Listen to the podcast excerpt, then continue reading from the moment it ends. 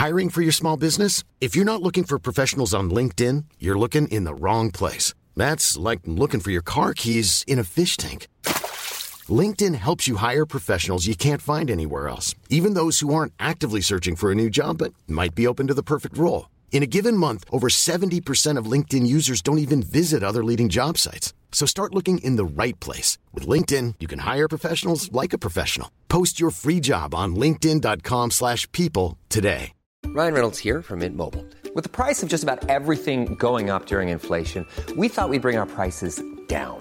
So to help us, we brought in a reverse auctioneer, which is apparently a thing. Mint Mobile unlimited premium wireless. Ready to get 30, 30, bit to get 30, bit to get 20, 20, 20, bit to get 20, 20, bit to get 15, 15, 15, 15 just 15 bucks a month. So, Give it a try at mintmobile.com slash switch. $45 upfront for three months plus taxes and fees. Promo rate for new customers for limited time. Unlimited more than 40 gigabytes per month. Slows. Full terms at mintmobile.com.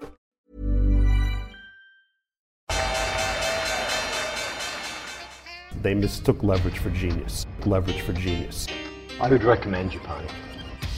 The governments don't rule the world. Goldman Sachs rules the world. Velkommen til episode 176 av podkasten 'Tid er penger', en podkast med Peter Warren. Dagens episode handler om eh, tiden vi er i nå. Det handler om eh, endringen i Ukraina. Det handler om endringen med strøm. Det handler om endringen med hele vår, vår virkelighet. Og um, uh, det er ikke så tydelig definert som tidligere, men uh, vi glir litt fra tema til tema. Men det vi prøver å litt sånn indirekte touche på, tror jeg var endringen. Og um, egentlig så tror jeg det bare går i gang med episoden med en gang. Her er episode 176. Ja, Røkke flytter ut. Vi drev og diskuterte det rett før, så vi måtte bare trykke på record før vi lagde en podkast for podkasten. Kjell Inge Røkke flyttet til Sveits, til Lugano. Og du ser um, kanskje, her er min teori, da, at krona svekka seg ørlite grann når det kom. Det var to spiker oppover på euro nok eh, akkurat i den perioden. Så um, det, det, var jo når um, en av de danske store arvingene, jeg tror det var Mersk-arvingen, flytta fra Danmark, så svekka jo danske krona seg. Det er vanskelig å vite akkurat årsak, men um, det er stort at Røkke flytta. Ja, det er klart det er det. Er det. Um, jeg vil jo heller tro at det har noe med at Norges Bank dumper kroner eller selger kroner uh, hver eneste dag rundt, de, rundt samme tidspunkt. Så, som, som styrte akkurat den. Men jeg er helt enig. Det er uh, det må i hvert fall være et sjokk for Askøy kommune, for det var snakk om at, han hadde, at uh, Røkke hadde betalt 1,5 milliard kroner i skatt siden 2008. Så der, der ryker vel E18, E18 vestover gjennom, gjennom Asker. Um, oh, Dæven, det hadde jeg ikke tenkt på engang. Nei, så nå, nå, nå, kommer du til grensen mellom, mellom Bærum og Asker, og så Der, der stopper E18, holdt jeg på å si. Da Betaler de kongelige noe skatt? Det tviler jeg veldig på. Går, går, ja, nettopp går, går, du over til Kjerrevei derfra. Um, nei, uh, men det var også Jeg syns noen sa at det var for å uh, for at han ønsket, å, uh, han ønsket å drive med sport eller et eller annet sånt. Så han er, jo, han er jo kjent, han har jo jodlet i mange år. og så det er vel, Du må vel være sveitser for å komme inn på landslaget der. Jævla idiot. Klarer ikke å drive det. Klarer ikke å drive det. Nei, men det er, det er, klart at det er synd. Altså, jeg, bare, bare, så det er sagt. Det er jo, han er jo ikke den første av, av uh, om du vil kalle det de superrike, da, som har forlatt, uh, som har forlatt Norge. Så men det er jo en grunn til sikkert også at, uh, når, når, man skal lukke ja, det, Dette kommer jo til å lukke velstandsgapet, for å si det på den måten, fordi nå blir eh... Det går jævlig godt poeng. ja, det er, det er, kollapset den øvre grensen av velstandsgapet rett ned. Én person flytter? Én person flytter, og nå kan, nå, kan man, eh, nå kan, man, stå frem og si at man har lukket velstandsgapet. Det er Ja, ja. Det er Men. Jeg må si som nordmann så var jeg faktisk jeg, jeg tror jeg nevnte det i en episode, at stolt av at, at, han klarte å holde seg i Norge og klarte å fortsette å bygge industri. Um, så det, syns det er ekstra synd da at akkurat Røkke ryker. Altså, få personer i Norges historie, kanskje ingen, har vært mer betydning for industrien. Selv om han ikke får kred for det. Nei, det det er klart han har gjort mye. Men altså, du, du, snakket jo om dette med Er det mulig for han å, øh, og leder dette fra fra Lugano i Sveits, over, over, Teams. Spesielt det fondet, var det jeg tenkte på. Ja, men er altså, det, er jeg er ikke så redd for det. fordi altså, det, det Røkke har vært veldig flink på å gjøre, det er jo å skaffe seg løytnanter. Altså løytnanter, høyt, høyt kvalifiserte løytnanter. Og det har han egentlig gjort med, med, med innenfor alle, um, alle disse forskjellige grenene, om du vil, eller industrien, uh, industriene så har han liksom skaffet seg flinke folk. Og jeg tror det er også, også nøkkelen til at, at, han har den suksessen han har. Nemlig at det er flinke, lojale folk som, som er, som er um, offiserer under ham. Så jeg er ikke så redd for det. Altså når, når du har um, Yngve Slyngstad som skal lede, det er jo han i all praksis som bygger opp den fondssatsingen nå, og som vil lede den med alle de forgreninger som det har. Yngve Slyngstad er kjempeflink, uten tvil superflink på, på dette. Og, så jeg er, jeg er, ikke redd for at dette her skal punktere egentlig, egentlig satsinger. Det er jeg ikke. Husker du når eh, Steve Jobs døde og, og Tim Cook tok over? Mm. Det er jo først nå på en måte nå vi begynner å se at det systemet funker like godt som under Steve Jobs. Det har vært veldig mye sånn iteration og veldig lite reell innovasjon. Eh, og man kan jo altså Øyvind Eriksen er jo eh, en eh, fantastisk COO, men han, jo, han fremstår jo ikke som en sånn utprega visjonær person, mens Røkke fremstår jo som reelt visjonær. Ja, det, det, og det tror jeg også han er. Altså, det, er der den, det er der det kommer fra. Uh, Øyvind Eriksen altså, går ut fra uh, dots the eyes and, and crosses the t for, t's for å være sikker på at liksom, ting er, er, i orden. Men jeg er helt enig med deg, det jo, og det tror jeg ikke noen er i tvil om, at uh, at, at Kjell Inge Røkke er den store visjonæren der. Det er for øvrig interessant å se, siden vi først nevner det, og vi, er jo ikke noe nyhetsbyrå, så dette blir jo gammelt uansett, men nå kommer uh, Torstein Tvenge ut og sier at det er helt forferdelig å bo i Norge nå. Så jeg, altså jeg tror ikke altså jeg, Nå vet jeg ikke hva han refererer til, men jeg går ut fra det, det inkluderes uh, ting som strømpriser og, og, og alt, alt, det andre. Men jeg tror ikke du, du, du kommer ikke unna det i andre land heller. Og, så, men det er jo det, dette med, med, skatten, da. Det er jo det, der det, det, det det går i. Så synd at denne skattedebatten er så fastlåst i sånn her 50 år gammel historikk. Mm.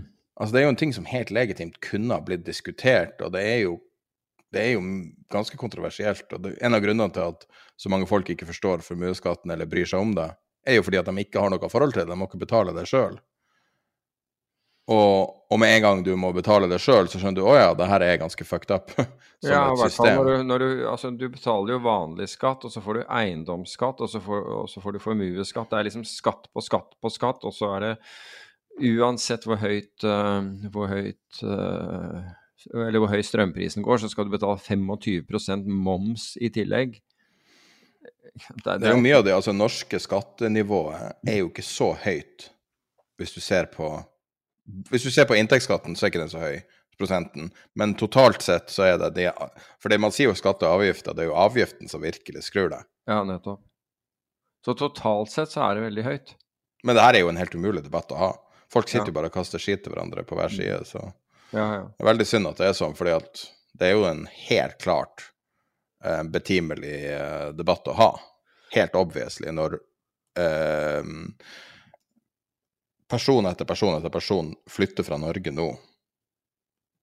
Så jeg vil jo selvfølgelig altså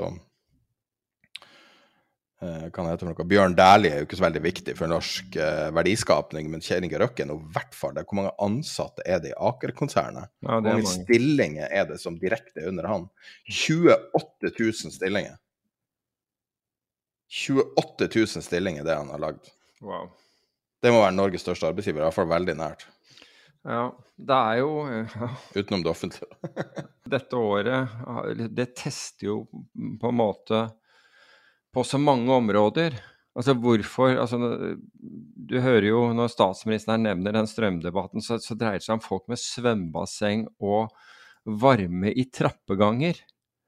Altså jeg vet, jeg vet, ikke hvor mange nordmenn som har, strøm, som har svømmebasseng, men det, jeg antar at det er en liten del. Altså de skal, det er rikinger med, strøm, med svømmebasseng og, og, oppvarmede trappeganger. Det er liksom sånn OK, du kan ikke ha varme i trappa engang. Nei, altså hva betyr det? Liksom Varmen kan ikke gå opp gjennom huset. Det er sånn helt merkelig. Men, men, når, men jeg må jo si det ja, Men det, det, er jo en, det er jo en vedvarende klassekamp i Norge på et eller annet nivå. Og du har høyresida som sier at uh, formuesskatten ødelegger alt, vi må flytte.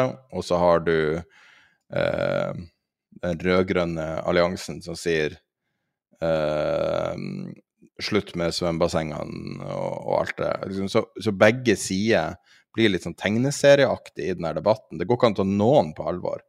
For debatten, altså Til syvende og sist så handler det her om verdiskapning, det handler om stilling, det handler om jobber, det handler om arbeidsplasser. Altså, Så synd at ikke debatten kan handle om arbeidsplasser. Hvorfor kan ikke politikk, hvorfor snakker de aldri om å tjene penger i norsk politikk? Hvorfor er det alltid snakk om å bruke penger? Se på altså det at man nå skviser Røkke, og man vet jo ikke om det her er bare skatt. Jeg tror ikke det er bare skatt, jeg tror det er sammensatt. Men, men skatt er definitivt en faktor. Ja, altså jeg vet ikke hvor uh, hvor skoen trykker på akkurat der, men det er, det er nærliggende å tro at det er, at det er skatt.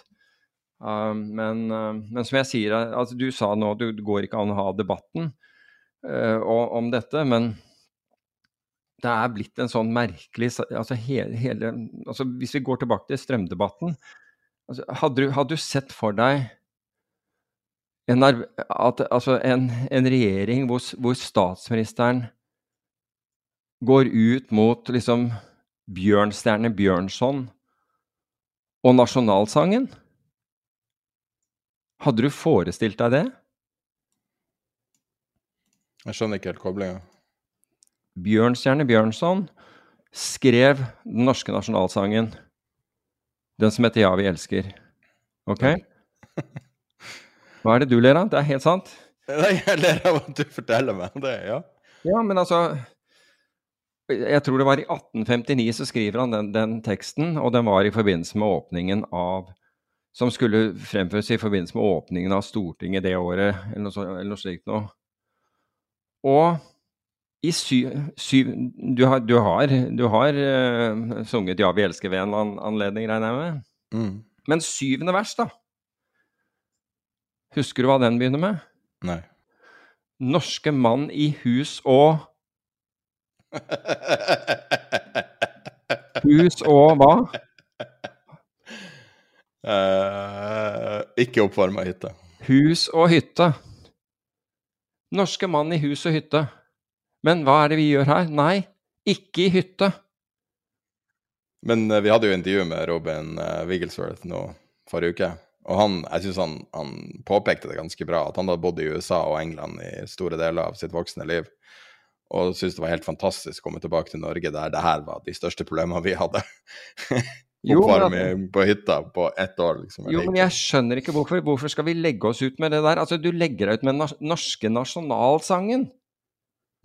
Norske mann i hus og hytte, takk din store Gud. Landet ville han beskytte, skjønt det mørkt så ut. Ja, det skal jeg love deg ser mørkt ut. Alt hva fedrene har kjempet Er det her syvende, er det riktig? Ja. Det Mødrene har grett. Har Den Herre stille lempet, så vi vant vår rett. Og det er den retten den retten vil man, man frata. Du, du da, altså, de som har hytte, de er nå ekskludert. Det er jo helt merkelig.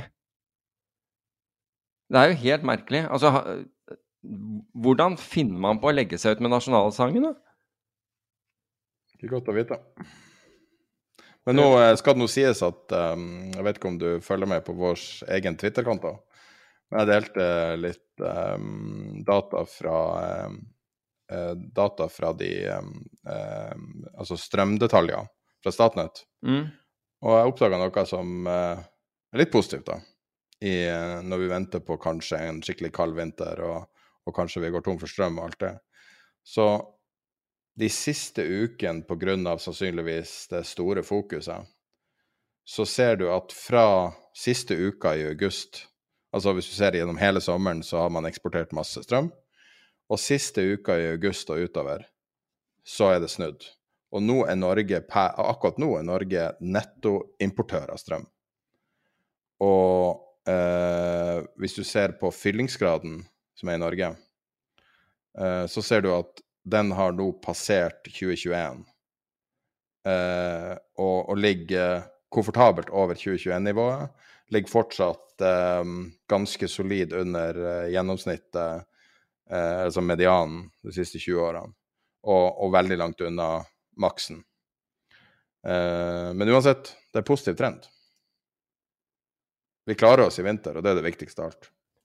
Når, når, du snakker om fyllingsgraden, så, så, blir jeg litt sånn i tvil, fordi altså i, i det lenger nord du kommer, det, det høyere fyllingsgrad uh, har det vært. Uh, mens de bildene du ser, det, de, de, kunne jo til forveksling være fra Sahara. Når, når, når du, du, ser noen av disse vannmagasinene, så hvis de har kommet tilbake igjen til, til normalen, så jeg tenker at enten må dette være på på, på gjennomsnittsnivå i Norge. For noen av de kan ikke ha klart å fylle opp um, en del av disse lagrene bare fordi man har importert strøm um, den, den, senere tiden. Men hvis vi ser på altså Hva er årsaken? Hva, det er, det er Jeg har fyllingsgraden for de forskjellige um, regionene. Ja, ok. Ja, men Kjempebra. Se på en, si, NO1 og, Hvis det er NO1 og 2, så er, så er jo det NO1 er det laveste det har vært. Nettopp. Uh, og det ligger uh, akkurat nå på 67 mm -hmm. uh, Og er også litt fallende. Uh, Toppa seg litt for ei uke siden. medianen er 87, og 2021 var 76. Sånn at det ligger under, men hvis det ikke dipper noe som det i fjor, så kan det passere fjoråret. NO2 er samme. Eh, det ligger litt tettere på, og det er vel NO2 er det Sørlandet, tror jeg. Ja, ja Sørlandet. Det, er, korrekt. Altså det går sør, du... sør, sør, til vest, da. Sør, sørover til vest. Og så har du nord for Dovre, som du snakker mye om, NO3. Mm. Det ligger eh, veldig høyt, over 80, ja. og eh, ligger på eh, akkurat samme nivået som medianen, og har vært på maks, tilsvarer maksnivået fra tidligere år. Og så har du Nord-Norge, som ligger over eh, maksen. Nettopp. Det, maksen er 90,6, og nå er det 92. Fyllingsgraden det, det, ser på på en måte sånn nasjonalt eh, gjennom, gjennomsnitt, men, mens du har store variasjoner. Men hvis du, ser til, altså hvis du går tilbake til det der, hva er årsaken til at vi, vi, vi importerer kraft? Jo, det ene kunne være at vi, vi er tomme, for, vi er tomme vi har ikke vann. Um, da, må, da, må, man jo um, importere. Det andre er at vi ønsker å øke fyllingsgraden, som som jeg mener er, er tilfellet nå. Men det kan også være tre. altså Dersom det ikke er overløp, altså dersom det ikke er altfor mye, uh, mye vann, er at man, man, forventer høyere priser i utlandet og holder igjen på, på vannet. I påvente av, av, av, enda høyere priser.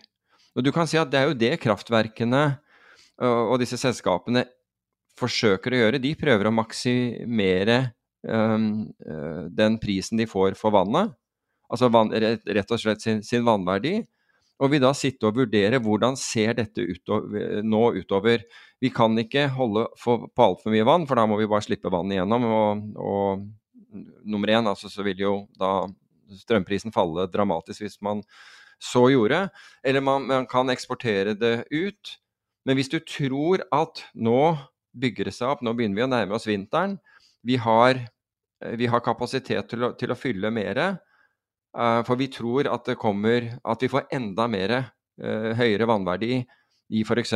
desember, januar, februar. Så, hold, så, vil det også være logisk å holde igjen og, og, og se på import. Altså, og heller at, at Norge importerer. Men i, denne, i, den store debatten som har vært, og vi så vel begge på den som var på uh, debatten med, med, Fredrik Solvang, hvor uh, Aasland var, og, og Øystein Spetalen. Og det er klart at der, der kommer det frem veldig mye, veldig mye tall. Og det kommer jo da frem ikke, at Norge fortsetter å produsere vesentlig, eller produ kan produsere veldig mye mer enn en, uh, en forbruket er i Norge. Så vi er egentlig sånn, Men problemet er jo at vi eksporterer mye av, mye av dette, og at prisen da dermed settes av utlandet og ikke av Norge. Fordi de, de har et, et, et, vanvittig behov. Men det er uten tvil at det, å, det at man økte altså eh, la inn altså Én ting var de kablene som var, men at man da, da vedtok nye og mye større kabler på feil grunnlag, det er jo årsaken til, at, til problemet. Altså Utlandet har, har, har, jo behovet, har jo hatt behovet hele tiden. Men, men altså forskjellen er jo at hvis, ikke, hvis, det ikke var eksportkapasitet nok, så ville det jo ikke ha betydd noe for norske priser. Da ville de fortsatt være lave, og vi hadde forsynt utlandet likevel. Det at man økte, og, og ikke minst i England og det, vi, vi, snakket selv med folk innenfor kraftindustrien, og de var helt klare på dette. Prisene kommer til å gå gjennom taket når vi, når vi begynner å eksportere. Men som, som to som lager en podkast, så kan vi jo si at dette er et ganske gjennomdiskutert tema. Eh, hvis du ser bort ifra breaking news, altså at noe endrer seg. Og, og, det, og det, gjør det jo også. Det folk sitter jo på sine egne kanter ja. og, og, er totalt fastlåst. Alle er helt fastlåst i debatten. Sånn at det er veldig lite man kan si for å endre noen sitt syn.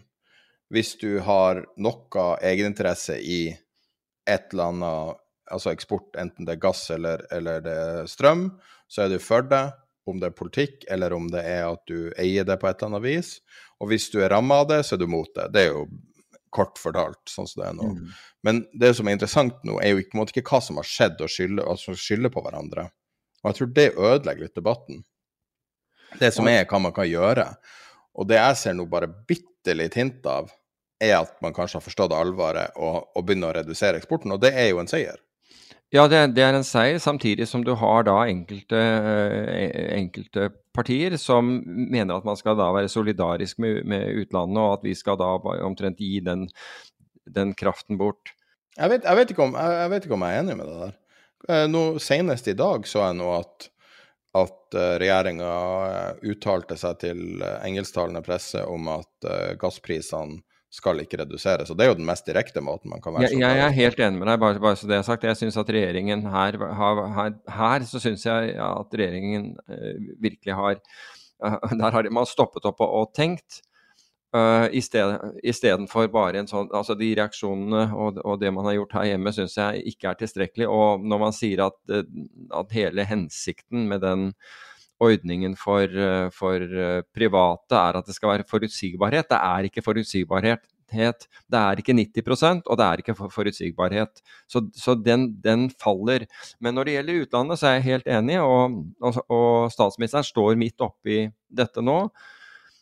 Men, og, og så, og jeg, så det, det, var ikke, det, var ikke, regjeringen jeg refererte til når, når, det var snakk om solidaritet og støtte og, og, og, den biten der. Det kom fra, det var for øvrig MDG. Men poenget er at man kan ikke være historieløs i dette. Man må se hva Altså, Norge har eh, eksportert gass til, til utlandet.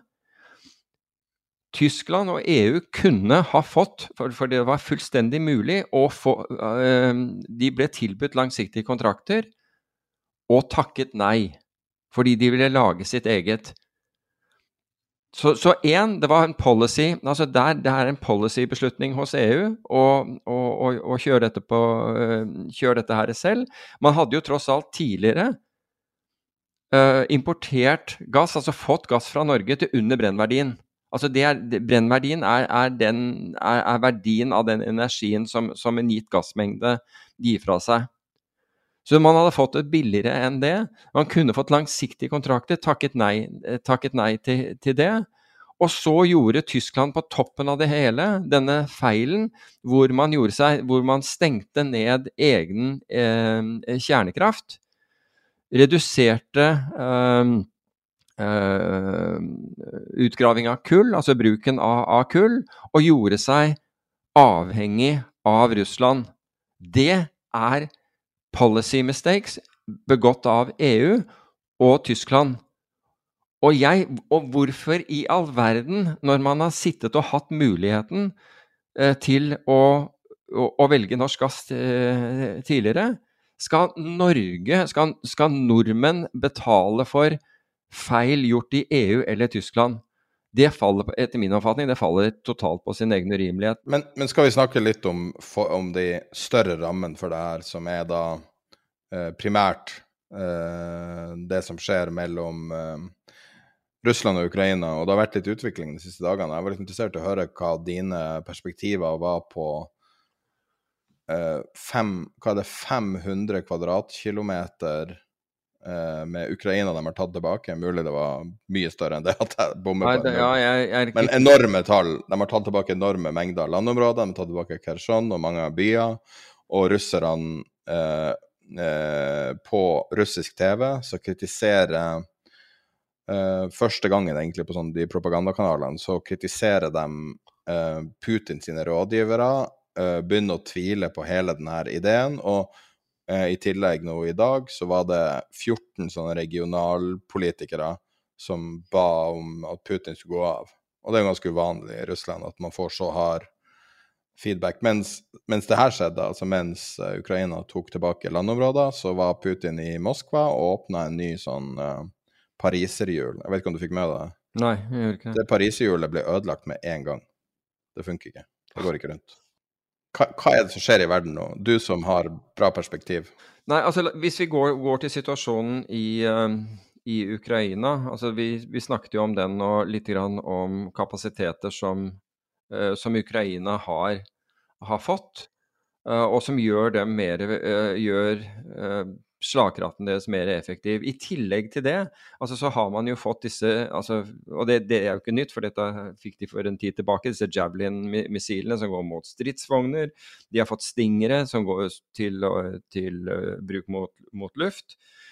Uh, de har uh, HIMARS, altså som er et artilleri slash ra rakettbatteri, som, som, er veldig effektivt. Og de har i tillegg fått disse Excalibur-granatene, altså dette artillerigranater som avfyres fra 155 mm uh, artilleristykker, og som er GPS-styrte, um, uh, og med en treffsikkerhet innenfor to meter.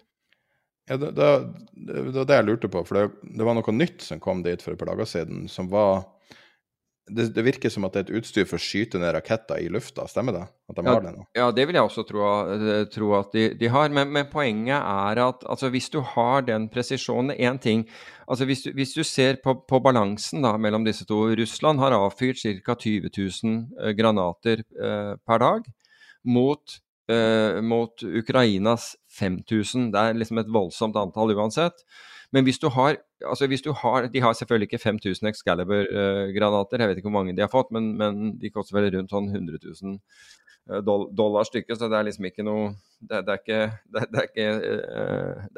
ikke billig. Men 900 mener jeg de, de har fått. Men, men, hvis du har en Hvis du kan øke treffsikkerheten din og presisjonen din, såpass. altså Det ene er at de har liksom fremskutte måter å, å, å, å, få øye, altså få eyes på målet, være seg om det er om det er luftbårent eller, eller uh, spesialstykker på, på, på, bakken, men når du kan treffe innenfor to, to meter med en 155 mm granat, da er, du, da er, du, ganske effektiv.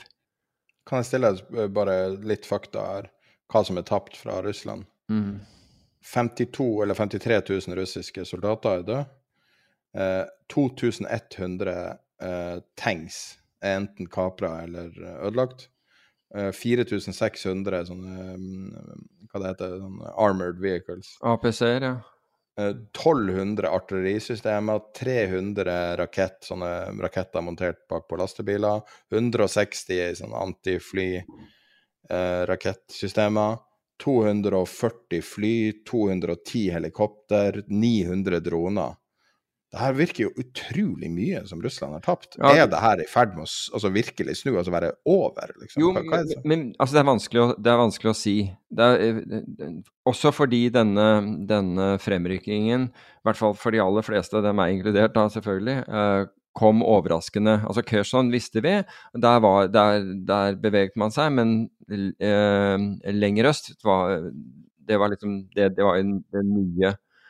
Men vi vet jo, altså, vi vet jo litt om ukrainske kapasiteter, forutsatt at de blir fylt på i den, i den andre enden. Disse granatene som jeg nevnte, disse Excalibur-granatene, de, altså de, det, er, det er fire mils rekkevidde på, på, på slike. Tenk deg fire mil og presis, presisjon på to meter. Innen to meter, det er relativt, det er relativt friskt. Men altså det første man tenker er at å, så bra, altså ukrainerne driver russerne ut av landet. Men hva gjør dette situasjonen i øyeblikket? Jo, den, det gjør egentlig situasjonen enda mer uforutsigbar. For hva gjør Putin nå? Og han har jo, han har jo truet med alt mulig eh, tidligere.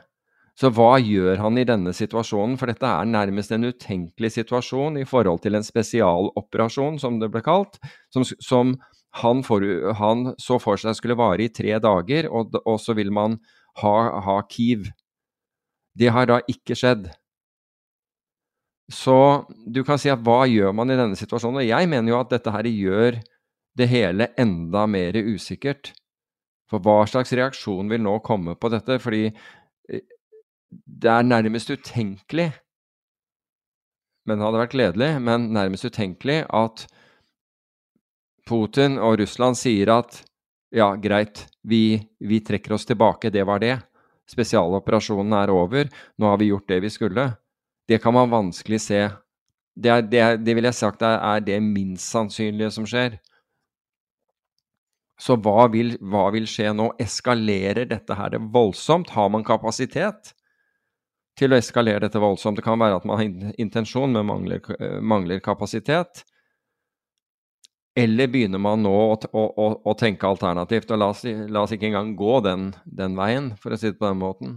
Men fra et sånt finansståsted så syns jeg det her er et interessant øyeblikk, fordi at de virker så utrolig svake. Og det trenger jo ikke å være, som du sier, positivt. Det kan jo være negativt nettopp fordi at det betyr at det, det kan slå ut det blir verre. på ekstreme, ekstreme måter, da. Så og, og, samtidig med at dette, dette, skjer, eller i forkant av dette, at dette skjedde, og som vi snakket om sist, så har jo da Russland sine eh, gasslagre bygget seg opp, del, delvis pga. Eh, lavere konsum, eh, men også fordi man har, har tilført eh, økt mengde gass pluss LNG. Så, og i, det var vel i forrige uke, lurer jeg på, om, om disse to flytende LNG-terminalene. Jeg lurer på om, de er, om det er fra Golar, altså norske rederiet, som da seilte inn i um, Emshaven, heter det vel. Det er uh, nordøst for, for, Amsterdam. Slik at, slik at, Tyskland vil ha økt kapasitet for, for, å, for å, motta LNG. Og apropos ikke svarte svaner, men at ting endrer seg. Akkurat nå er det 81 LNG-skip mellom USA og Europa. Korrekt, ja. Det er mye gass. Ja. Ikke, kanskje ikke nok til å dekke opp, men uh, man har jo vært veldig skråsikker på um, vært veldig skråsikker på um, hvor viktig den russiske gassen var. Mm. Helt til man tvinges til å ta et utrolig vanskelig valg, som er f.eks. å kjøpe mye dyrere LNG. Ja. Men hvis du klarer å erstatte det fra en despot, så er jo det en seier, selv om du taper økonomisk på kort sikt. Tenk deg hvis Russland hadde på en måte forsvunnet som en sånn trussel i Europa, som en sånn klam hann. Mm. Da hadde forandra hele dynamikken i Europa. Ja, så Russ Russland sånn rent økonomisk vil jo måtte henvende seg mer i øst som følge av dette, og gjør allerede det. Problemet er jo at infrastrukturen ikke er til stede for å for, for, å øke kapasiteten tilstrekkelig. Med andre ord, man, man kan ikke eksportere eh, altså Det er ikke et alternativ å, å eksportere eh, den gassmengden som Europa har, har, konsumert, altså som de har kjøpt fra, fra Russland, eh, til f.eks. Altså videre til, til India og Kina. Den infrastrukturen eksisterer ikke nå. Det vil ta mange, mange, mange år å få den på plass. Så man har jo, et, har jo et, reelt problem her. Hva, men så kommer dette her med, med van der Leyen og, og, det som foregår i altså Europakommisjonen, og hvor man prøver å presse Norge til et, et eller annet pristak osv. Altså, da plutselig går man inn og ødelegger altså Det blir litt grann som, som det som skjedde på, på, et mikronivå, mikroøkonomisk nivå, med, med nikkelprisen tidligere i år, hvor man, um, hvor man satte et tak man godtok Altså børsen plutselig cappet uh, nikkelprisen og annullerte Var det 6000 handler eller, eller noe slikt noe, som da har, har ledet til mange rettssaker osv. Det, er, det er ikke det er ikke bare bare å sette et tak på, um, på, på, en vare og si at dette er, dette, det betales ikke mer enn dette. Så eh, da griper, man, da griper, man, kraftig inn i markedskreftene. Det er noe helt annet, sånn som man gjør i Norge, hvor man tar deler av, av inntektene og, og, og, gir til befolkningen. Slik at ikke, ikke, ikke skaden fra økte strømpriser skal, skal, bli så høy. Man rører ikke ved selve markedsmekanismen, men man fordeler inntektene. Men nå skal, nå skal det sies at den fordelingen, altså hvis man bare får gå innom den, det, det, det, må jo være en av de største overføringene fra private til staten, det, det, som, som skjer, fordi man får så liten andel av det. Så det må være en av og Jeg vet ikke om folk tenker på det, men det er en enorm overføring fra privat til, til, til stat som, som, som, foregår i Norge. Men tilbake til det andre systemet. Det å begynne å sette et tak på markedet, da, da stopper du egentlig markedet. Og det har konsekvenser, og det vil ha store konsekvenser for hvordan dette markedet, eh, hvordan markedet virker. Man kunne jo tenke seg at det er eh, aktører som sier nei, vet du hva, det Vi selger ikke til den prisen. Prisen er, egentlig, er høyere andre steder. Vi, da gjør vi om til LNG og, og, og, og, frakter det dit. Altså det har konsekvenser, da det man gjør når man griper inn i markedet på, på denne måten. Nå har vi snakka de første 36 minuttene om energimarkeder, om eh, diverse ting som er store nyheter. Men jeg lurer på om at og, og, det rimer jo overens med nyhetsbildet og det som er viktig. Men de siste ukene så er det én ting som har Altså, jeg lurer på om vi er bekymra for feil ting, da om at vi sitter og ser f.eks. på hele situasjonen i Europa og Russland og gass og strøm og alt det her, som er ganske gjennomanalysert. De siste ukene så har jeg merka meg bl.a. det ene på det intervjuet vi hadde i forrige uke, men også flere har sagt det. Uh, og nå på en måte slår jeg sammen da jeg leste en analyse av Bank of America som også sier det samme. Uh, la meg bare lese et sitat fra den analysen. In our view, declining liquidity and resiliency of the treasury market arguably poses one of the greatest threats to global financial stability today, potentially worse than the housing bubble of 20, 2004 to 2007. Så jeg syns det er viktig at de tar det her opp, men det er ikke de første som gjør det. Så Hvis du ser på det som skjer igjen, eh, der Bank of Japan kom med en verbal intervensjon, mm. det er veldig store krefter i gang. Og det er jo takt med det du sa, som var at du ville være short igjen. Um, nei, long igjen. Mm. Men um, de to tingene her får jo omtrent null oppmerksomhet hvis du sammenligner med det som skjer i Russland og, for, og Trump og alle politiske saker som foregår og alt mulig. Men hvor, hvor utsatt er egentlig amerikanske statsobligasjoner akkurat nå? Altså jeg vil jo hevde at det, det, er interessant, fordi det er som du sa, vi hadde Robin Wigglesworth uh, fra Financial Times på i, um, i, i forrige uke. Og min, min, min første uh, erfaring med han, det var jo at vi gikk head to head. Altså, jeg, Financial Times hadde skrevet noe, og jeg, jeg var, var, uenig med dem. Og det gjaldt jo jo nettopp likviditeten i det amerikanske statsobligasjonsmarkedet under covid. Og vi hadde en, en, en, en diskusjon på, uh, på, på, på, bloggen peterwarren.no uh, i forbindelse med, med den. Og vi har jo hele tiden hevdet at likviditeten er mye lavere enn den tilsynelatende er. Folk ser på volumet, men den reelle likviditeten er mye lavere. For hvis du skal kjøpe og selge store, store poster, og innenfor statsobligasjonsmarkedet, så er det er jo egentlig en av mest, et av de mest likvide markedene i verden, eller har, har vært det. Så har du fravær av de store aktørene pga. Dodd-Frank-reguleringen i USA. Store aktørene som var bankene. Og det har gjort dette markedet utrolig sårbart. Og hvis vi kan bare hoppe et øyeblikk, så skal vi gå tilbake til det. Nå har vi sett hva likviditet kan bety, og sårbarheten, eller mangel på likviditet eh, kan bety, og sårbarheten som følge av det, nettopp i gass- og kraftmarkedet nylig. Og hvor, hvor, EU rett og slett måtte gå inn og intervenere, og svenskene stilte, stilte milliarder eh, til rådighet for at, man, for at, aktørene skulle kunne møte marginkravene sine i disse markedene. Og så vidt jeg vet, så har Norge Nå, har, nå, nå, sier, nå sa statsministeren at man har, har sett på situasjonen og, og ikke funnet at, at, dette gjelder for, for, norske foretak.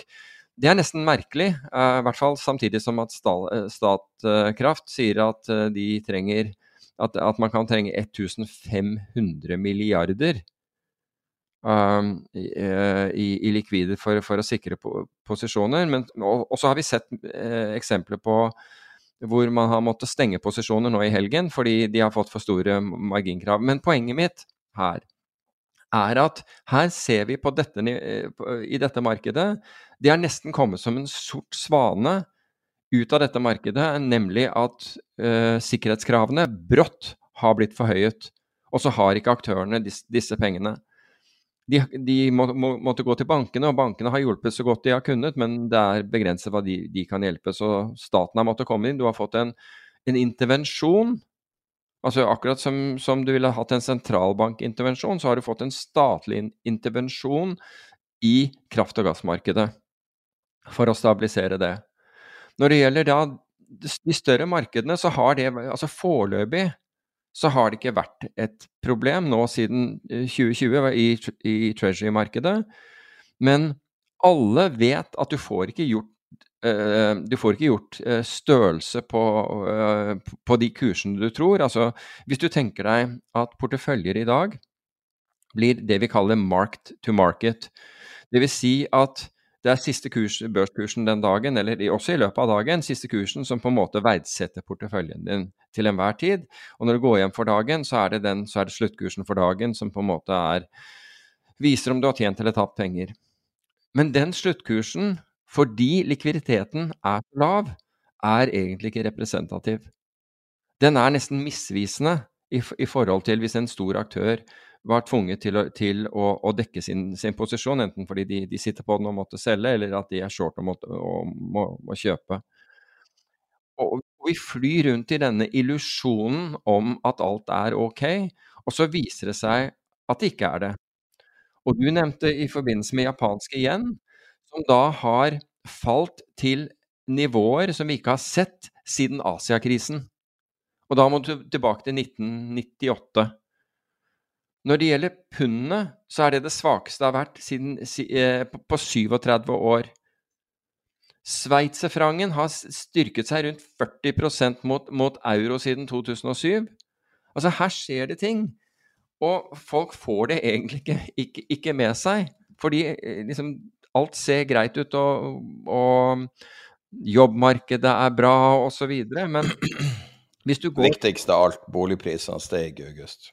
Ja, viktig i, i den, ja. Ingenting slår det i uh, diskursen i samfunnet. Nei, i, ingen, ingenting slår det noen, noe sted i verden. er det ingenting som slår det, fordi alle andre markeder er ned. Og nå ser du også til og med bankøkonomer som sjelden sier noe negativt om boligpriser, begynner å snakke om, om, om eh, tosifret uh, prosentuelt fall forventes. Så, men i hvert fall hvis du går tilbake igjen og ser hva var det som har, har, endret seg, altså fra i fjor til i år? Jo, det var at kvantitative lettelser, altså det at man kjøpte Det at amerikanske og mange andre sentralbanker kjøpte verdipapirer, det var det å avslutte for, for USAs del. Hva har skjedd siden? Jo, aksjer, avhengig av hvor du er i verden, altså ta Norge ut av det et lite øyeblikk, har falt et eller annet sted med 15-25 Når det gjelder de mer risikable aksjene, altså teknologi og de som ikke har inntjening, så har jo fallene vært ja, for, for Nasdaqs del så, så, dreier det seg om ja, ca. 23 i, i øyeblikket, vært verre. Men ned til typen Euronex Growth og masse andre selskaper rundt i verden, 80 borte. Hva har du fått i tillegg? Jo, redusert eh, eh kapitaltilgang. Det er, altså, det er, vanskelig å få inn penger til, til, eh, eh, til, til prosjekter og til, og, og til, selskaper. Så går du til obligasjonsmarkedet, som da har vært det mest kjedelige i hele verden og vært liksom stødig. og har vært så fantastisk over alle år at vi har laget 60-40-porteføljer. og ingen, Jeg husker at da vi begynte å rokke med dette her, så var, så, så var det en markedsaktør som kom på uh, på, på, Messenger og, og, sa at dette her har virket altså det, har, det virka i ti år. Så det var liksom, dette gikk det ikke an å rokke med, fordi dette her hadde jo tross alt gitt fantastiske effekter uten å se på forutsetningene for at disse effektene er gitt, nemlig at, at, obligasjonsrentene hadde blitt presset ned ved at sentralbanker hadde kjøpt obligasjonene. Men hva, hva er tilfellet i år? Jo, det er fall på 12, mellom 12 og 30% avhengig av durasjonen på disse obligasjonene. Altså, vi har jo ikke sett noe tilsvarende. Altså, tenk deg at en fjerdedel av pengene dine er borte i statsobligasjoner. Det mest trygge du, kunne, du, du hadde fått beskjed om å kjøpe, har gitt deg de største tapene. Og det er jo slik at hvis noen taper 20% i aksjer, 25% i aksjer, så er ikke det, det er ikke en sånn sjokkmelding. Men 25% Altså, du har tapt en fjerdedel av pengene dine i statsobligasjoner. Det er noe, altså. Det er, det er, noe. Så her sitter det porteføljeforvaltere og bare tenker å herregud, hva gjør vi med dette her? Vi skulle selvfølgelig aldri ha kjøpt uh, disse ob obligasjonene, men nå er man der. Og så går du da til råvaremarkedet. Du ser på gassmarkedet, ikke sant? gått gjennom taket. Kostnadene har gått, gått gjennom taket. Um, gjennomsnitt råvarer, altså hvis du bruker råvareindekser, er opp et eller annet sted rett i overkant av, av 20 Energiselskaper er opp 45% Disse som driver med, med oljeservice er opp 25% Altså verden har liksom helt snudd. Tenk på et selskap som norske da ABG. Gått fantastisk. altså 19, i, i, 2020 og 2021 og 20 emisjonene spruta. I år så er de ned 23 Fjerdedel av pengene der er borte.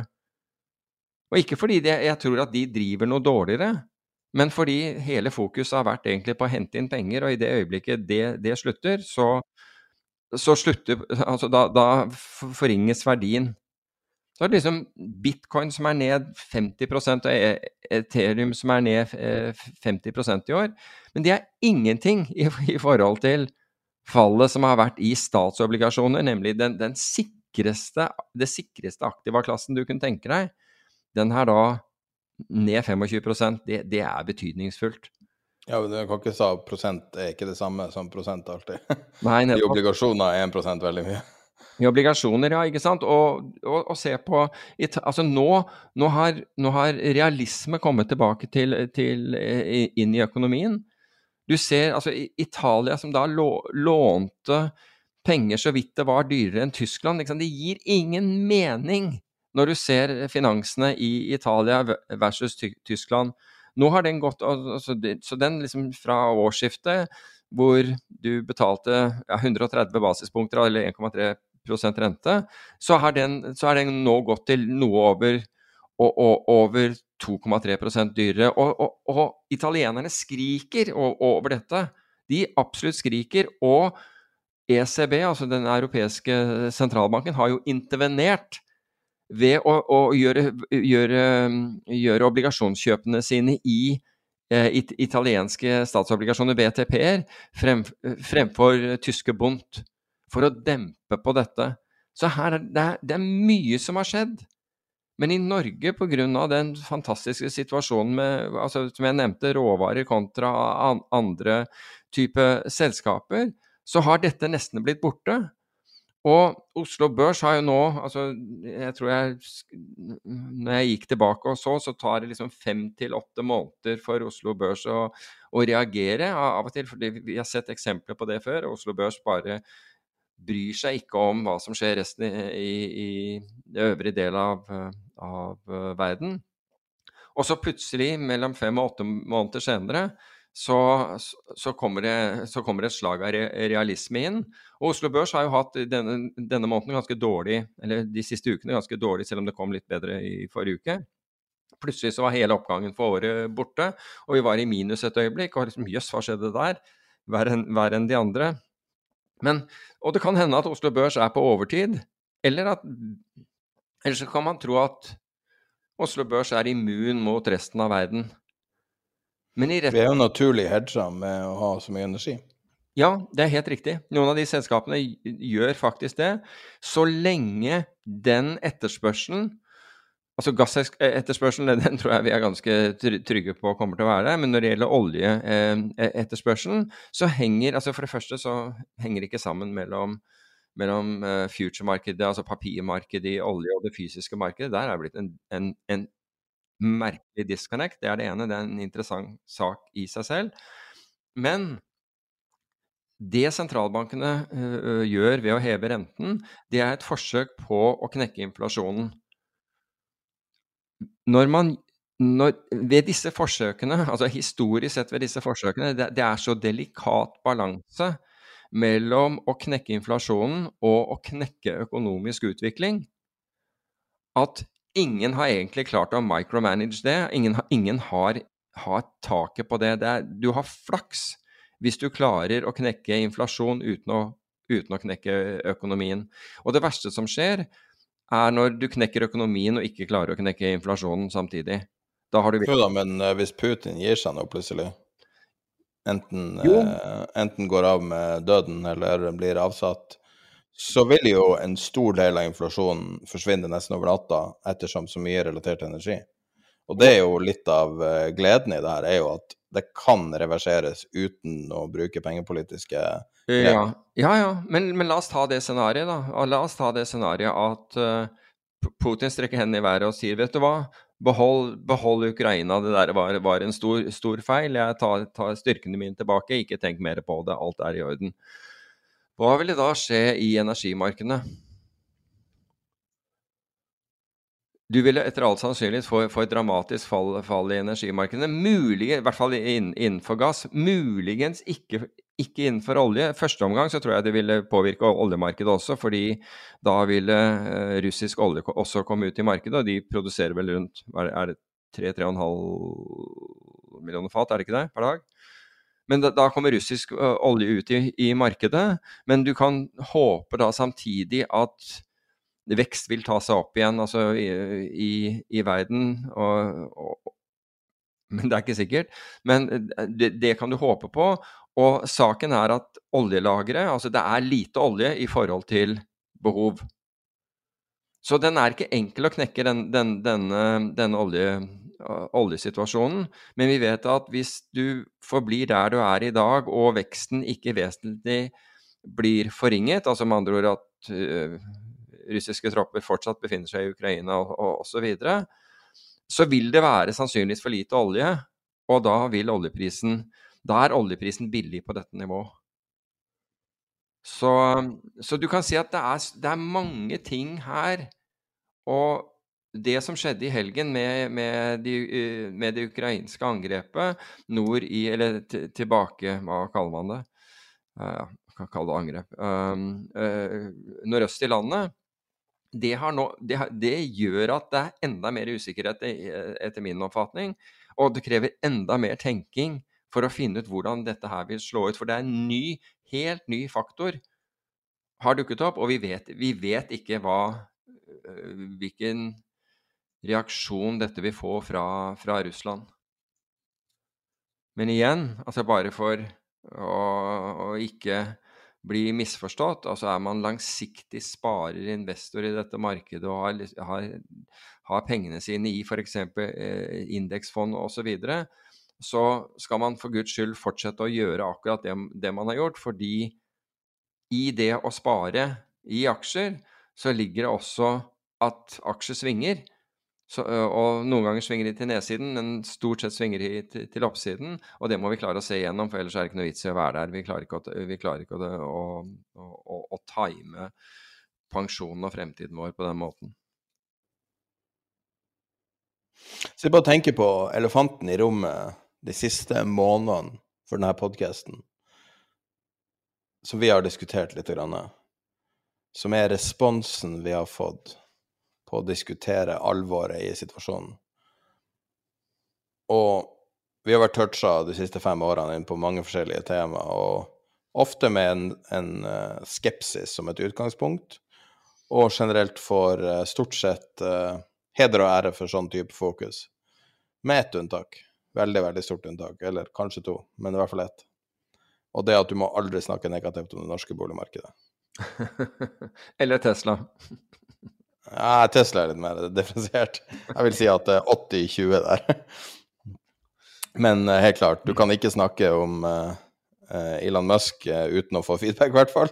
Nei, Og, men du kan i hvert fall ikke snakke om boligmarkedet. Men, jeg begynner å lure på om den der holdninga Altså, det er jo en holdning vi på en måte kjenner på, for vi har kommunikasjon med lytterne. Men jeg lurer på hvor farlig den holdninga er, at man må aldri si noe negativt. Alle må bare liksom være heiagjeng og heiagjeng. For hvis du ser på det norske samfunnet, så er det jo konstruert opp som en eneste stor heiagjeng for boligmarkedet, mm. egentlig. Men for den, alle, altså, den jevne boligeier så spiller det ingen rolle. Altså Hvis uh, boligen uh, skulle måtte falle tosifret, som en bankøkonom sa i, uh, i forrige uke Hvis, hvis så skulle skje, så betyr det absolutt ingenting. For, Men det er jo det, er det som er tingen, er at man tar jo alltid høyde med Ja, du eier boligen, du har ingen gjeld. Du eier aksjene, du har ingen gjeld. Nei, selvfølgelig betyr det jo ingenting. Du er ikke tvunget til å gjøre noe.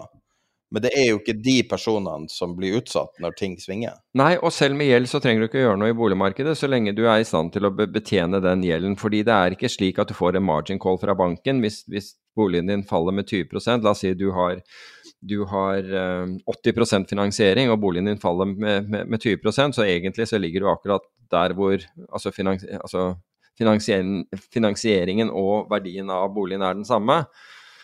Så kommer ikke banken og ber deg om mer penger. Så du, du, kommer ikke i en pressituasjon. Du kommer i en pressituasjon kun hvis du driver og spekulerer i boligmarkedet og, og, og har lånt penger og, og, er avhengig av å få solgt og har egentlig ikke penger til å, til å, til å dekke gjelden din hvis du ikke får solgt, fordi du, er, du, du hele tiden går på, på transaksjoner og, og turnover. Får, men det er en ufattelig liten del av befolkningen, tror jeg, uh, som, som, driver med det. Selvfølgelig er det noen som gjør det, og, det, og jeg tror at det er vel de som først og fremst uttaler seg, altså som reagerer negativt, hvis vi skulle si noe negativt om, om boligmarkedet.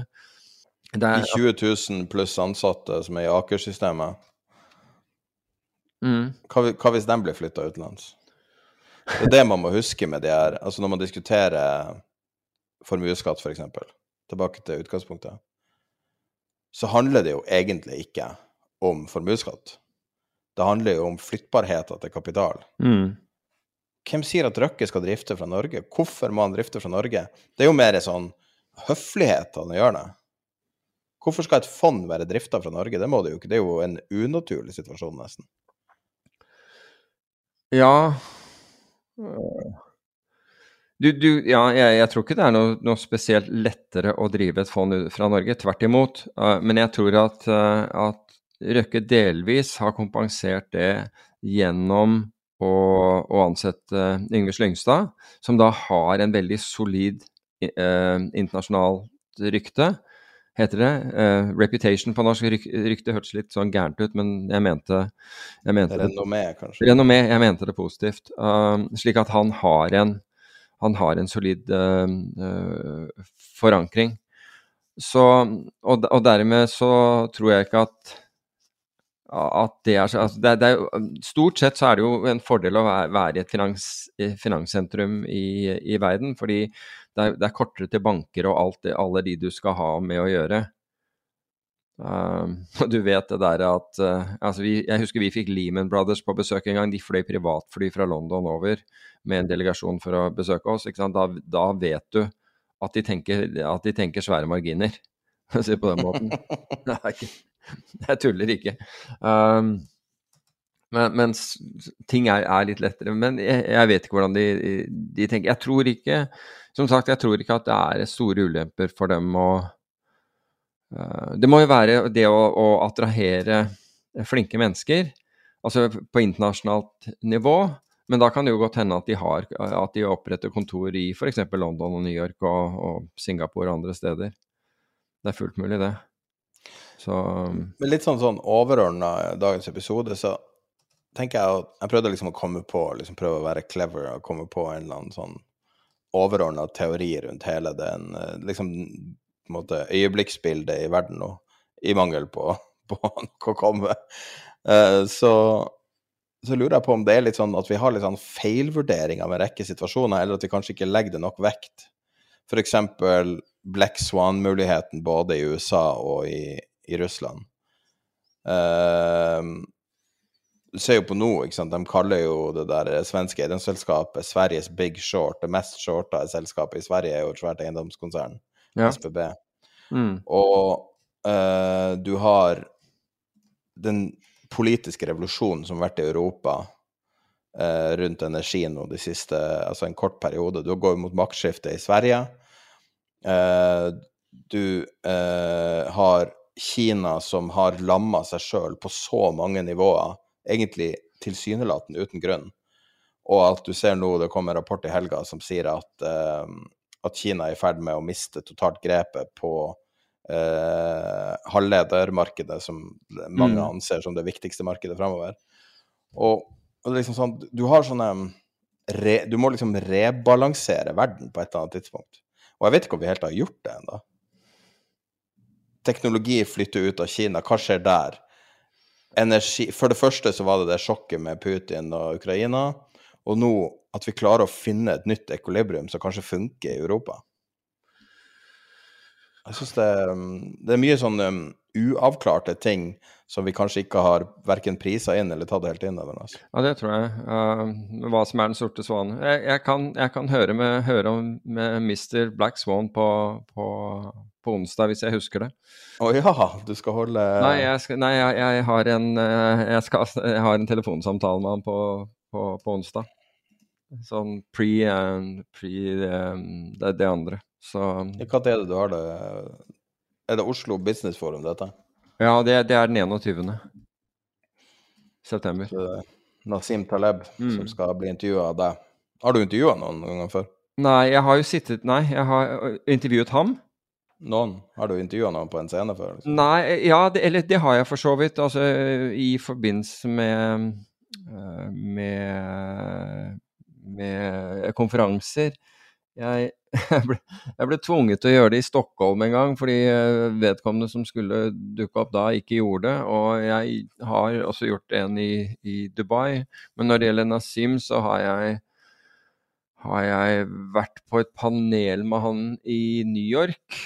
Og holdt foredrag på samme, samme uh, konferanse som han i, i bl.a. Dubai, ved en annen anledning enn den andre jeg nevnte. Um, så men eh, Så, så det, blir, det, blir, spennende, det. Eh, helt, helt opplagt.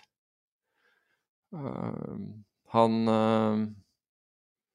han er jo veldig sånn Han kan være veldig left field. altså Han kan absolutt komme med ting som du absolutt ikke har tenkt på. Og Hva er din strategi?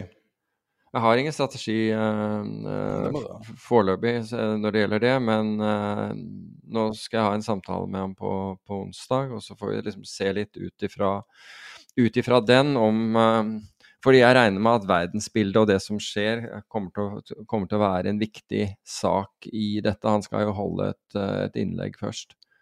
Hvor mye tar du i markløft? Hvor mye jeg tar i markløft? Ja. Mindre enn han, vil jeg tro. Um, sin, altså jeg har jo måttet trene opp all, all styrke etter uh, etter, etter jeg rev av den skuldermuskelen, så jeg måtte liksom ta det pent. Men vet, jeg, du tenker én RM, hvor mye jeg kan Jeg vet ikke. Ja. Nei, jeg, jeg, vet ikke. Jeg vil vel tro Nei, jeg er usikker. Kanskje Nei, er, jeg tror ikke det er så mye. Kanskje 100 Altså én RM, 170 eller noe sånt, kanskje. Nei, for det jeg tenkte, det måten du kunne break the ice på, hadde vært å, å, å ta, ta, ut, å ta ut ei vektstang ut på scenen, og så utfordre han i markløftkonkurranse. Ja, jeg vet det. Å, ri, å, rive, å rive av en muskel, men i, i samme moment. Å, fytti rakkeren. Uh... Han hadde aldri sett den komme. Det blir hans Black Swan, da, i så fall. ja. ja, den hadde vært bra. For dem som ikke vet hva det er snakk om, om ei ukes tid så skal Peter sitte på scenen på Oslo Business Forum og intervjue den uh, legendariske forfatteren og eller investoren Nasim Taleb. Ja. Mm. Han er jo kjent for å være forfatter, primært. Og skal intervjue ham på scenen, og du må betale masse for å sitte i salen. Men jeg regner med at det sikkert er ledige billetter osv. Men vi er ikke innblanda i, i, produksjonen av det. Men Peter ble bedt om å sitte på scenen. Det. Ja, nei, jeg gleder meg uh, oppriktig til, uh, til, det. Det skal, bli, det skal bli interessant og helt sikkert, helt sikkert, utfordrende også. Selv om det er jo egentlig han som skal være i, i viss grad utfordret her. Det er, jo en, det er jo en challenge i seg selv, for å si det på den måten. Men jeg vet, ikke, jeg vet at han snakker mye om, om markløft, men jeg vet ikke hvor mye han, han løfter. Du har kanskje googlet det allerede? Ja, jeg skjønte ikke. Han, han, er veldig upresis på hva han løfter. Ja. Men han bruker å utfordre folk til å løfte markløft og slåsskamp. han er litt sånn utradisjonell i stilen. Ja, det minner meg om å øh, uh, Arne Næss sin onkel, altså han filosofen. Hva, hva het han igjen? Jeg vet ikke han Arne Næss. Jo, han heter kanskje Arne Næss, han gjorde han det? Jeg vil prøve å huske. Men ja, Senior og junior, var det ikke? Ja, fordi altså, det var jo ikke faren, det var onkelen, men uh, jeg var jo i hans uh, 90-årsdag. Vent, nå skal jeg analysere et bilde Taleb har lagt ut av seg sjøl. Uh -huh. Skal vi se. Jeg skal prøve å finne ut hvor mye han har løfta.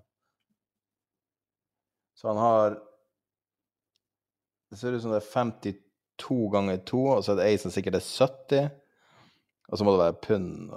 Skal vi se 52, så 100 det ser ut som det er ganske mye på den sangen. Altså. Ja, hvis det er 170, 300 Hvis det er 300 Nei, så Han har to plater med 52 pound som du ser, ja. og så ei som, er bredere, så den er sikkert 70 eller 80. Jo men, jo, men ta 100 pluss 70, så da har han 340 pluss stangen på 20. Pluss eh, Hva er 350 kilo til? er det det? det ja. ja. men hva, hva, blir Altså si 400 pund, mye blir det? Det blir nesten ja.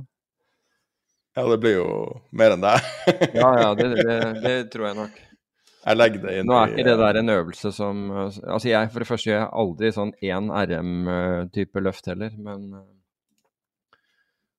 men, så, så, det er repetisjoner, men, uh, men han Men det har vært en måte å bryte isen på, var det poenget? Bare for å få han til å gjøre noe helt uventa? Si at du har en Black Swan planlagt. Ja, det hadde vært fint. Det, det hadde vært helt suverent å klare å rive av en ny muskel mens man holdt på med det der.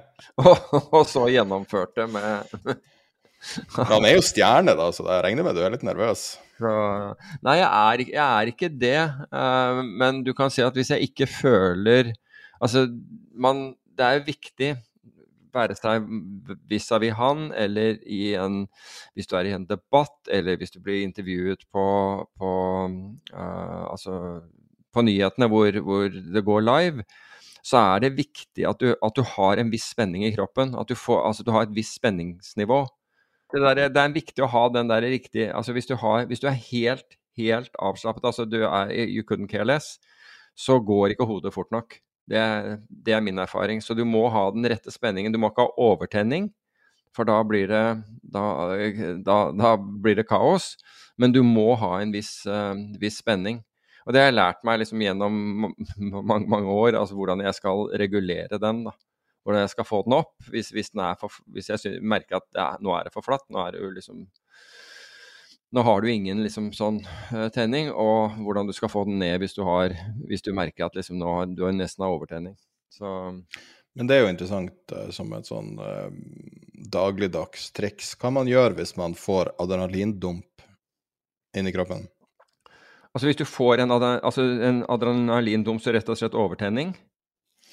Ja, kall det hva du vil. Altså. Det, jo, men, men om du opplever noe ekstremt, så har man tendens til å få adrenalin. Ja, akkurat. Jo, jo, men, jeg, jo, men, men, og påvirke deg på mange måter. Ja, men skjønner du, dump på engelsk kunne, kunne tolkes som at den falt. Det var derfor. At, ja, men den på en måte faller jo etterpå, fordi at først får du veldig opptur. Men, men altså, den adrenalindumpen som du kaller, altså, det er den hvor du får liksom wow, nå spruter adrenalin. Eh, nå, øker, nå uh, produserer du voldsomt med adrenalin. Det er den du snakker om, ikke sant? i første omgang? Ja, det lammer jo veldig mange sammen. Helt riktig. Og den, kan, den dukker jo ofte opp i f.eks. fysiske konfrontasjoner, eller konfrontasjoner som du ser kan plutselig bli fysiske. Men det vil jo også være kanskje hvis du har hatt en nær ulykke eller et eller annet sånt.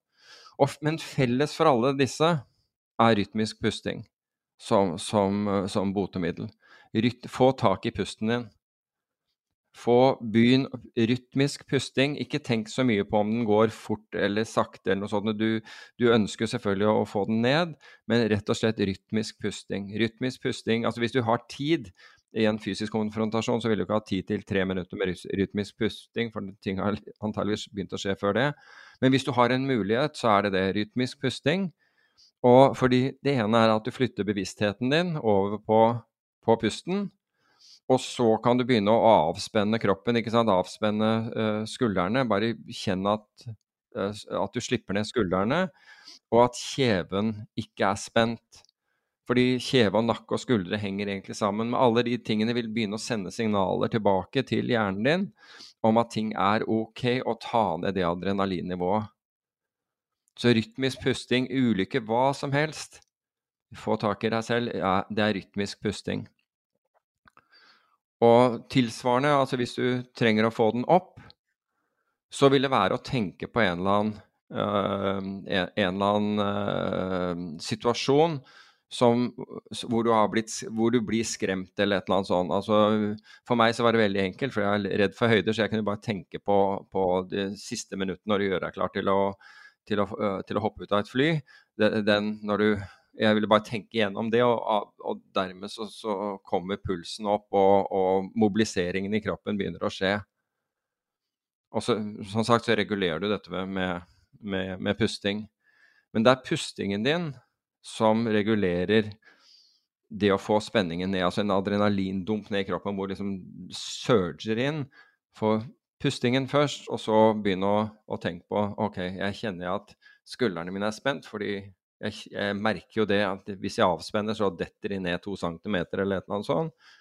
Og så begynner For da begynner Dette er fysiologi hvor du lar Du gjør rett og slett det motsatte av det, det som skjer. Altså du bruker fysiologien til å overbevise hjernen om at ting er OK. Så mens du kan gjøre det andre, ikke sant Ta, at, Ja, da går du Da er det uh, first move er det fysiske, altså du gjør noe fysisk. Mens det motsatte ville være f.eks. at du sier 'I'm not afraid, I'm excited'. liksom.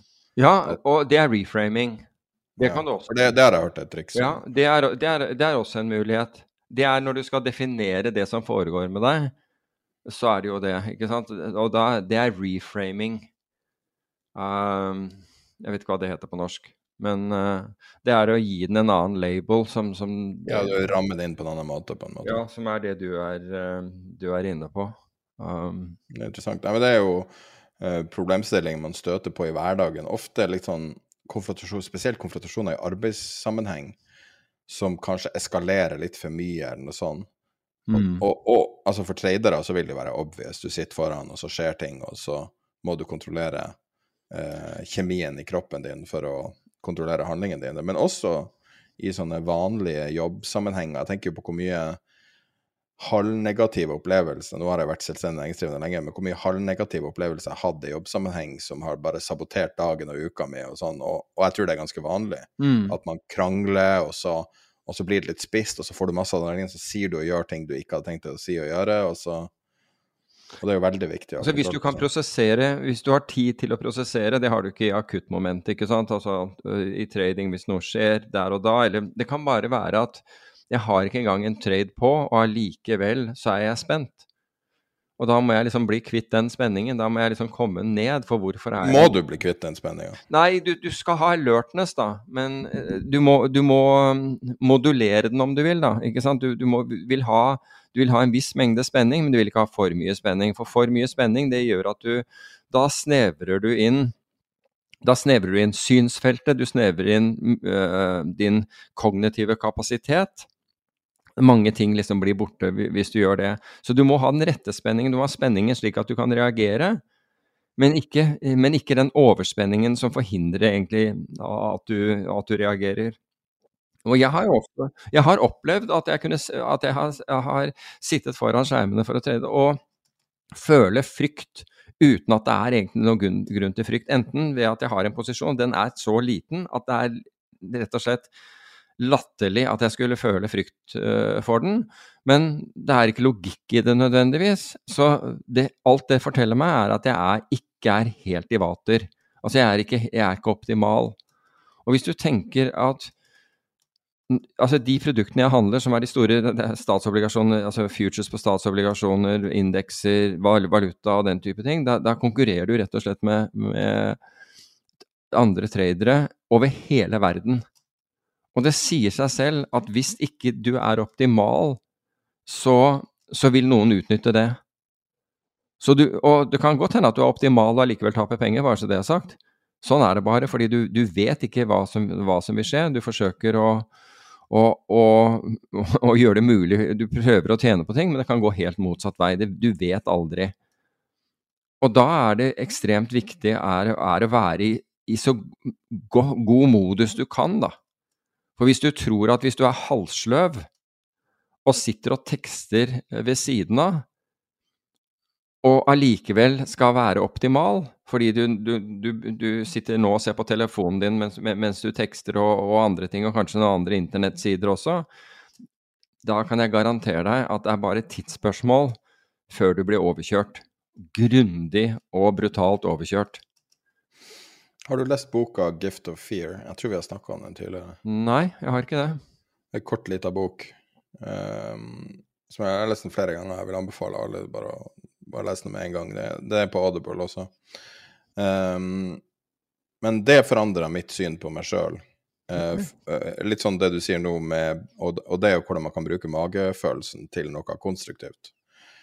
Og magefølelse, det er jo det du beskriver nå, men det trenger jo ikke å være noe som, som har en verdi. Men jeg lurer på om i noen situasjoner, hvis du føler deg utrygg på tross av at du, det er ingen grunn til å føle seg utrygg, at det kanskje er magen din som gir deg et signal om at uh, når den prosesserer alt dataen du har levert, så er det en grunn til at, at den sender deg signalet som er at du må være på alerten fordi at mm uh, hjernen som da når, gjør, når, hjernen gjør det her, så er det at den prosesserer det som skjer, måler det opp mot hele livet ditt, altså hele kartoteket som utgjør hukommelsen din, også ting du ikke mm. uh, husker implisitt. Så husk, altså alt er lagra i hjernen.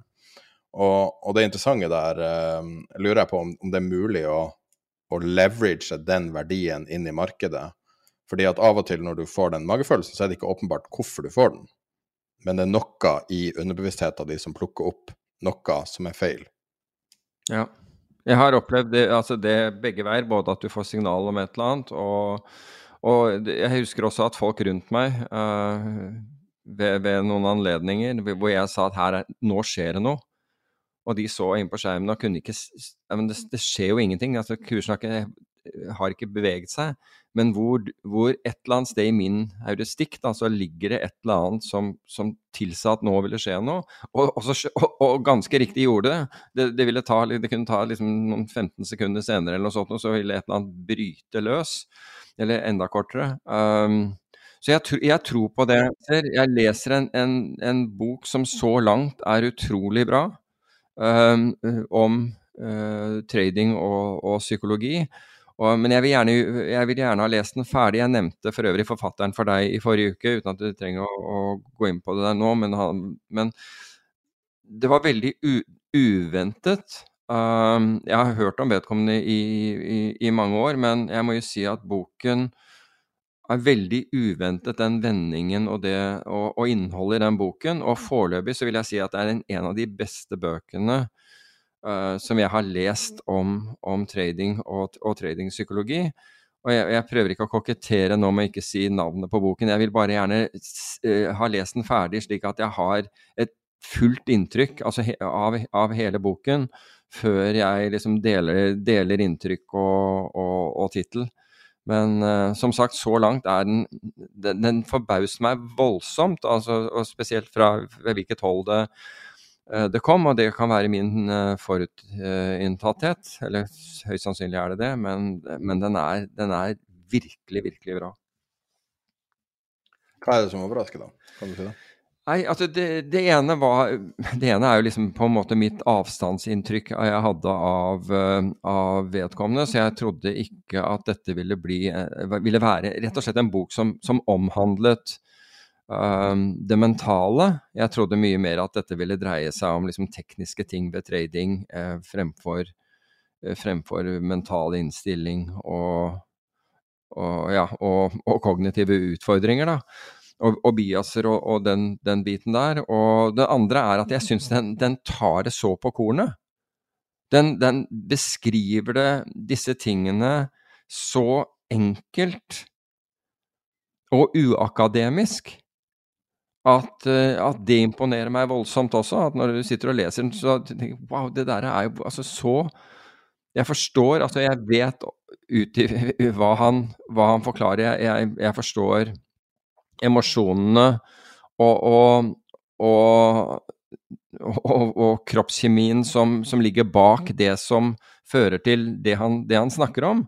Men du trenger ikke å, du trenger ikke å forstå uh, ting som testosteronnivåer som stiger, eller, eller uh, eller adrenalin og, og noradrenalin. Og, det, og det, du, trenger, du, trenger, ikke å forstå det på, på, et slikt nivå for å, få fullt, uh, for å få fullt utbytte av boken.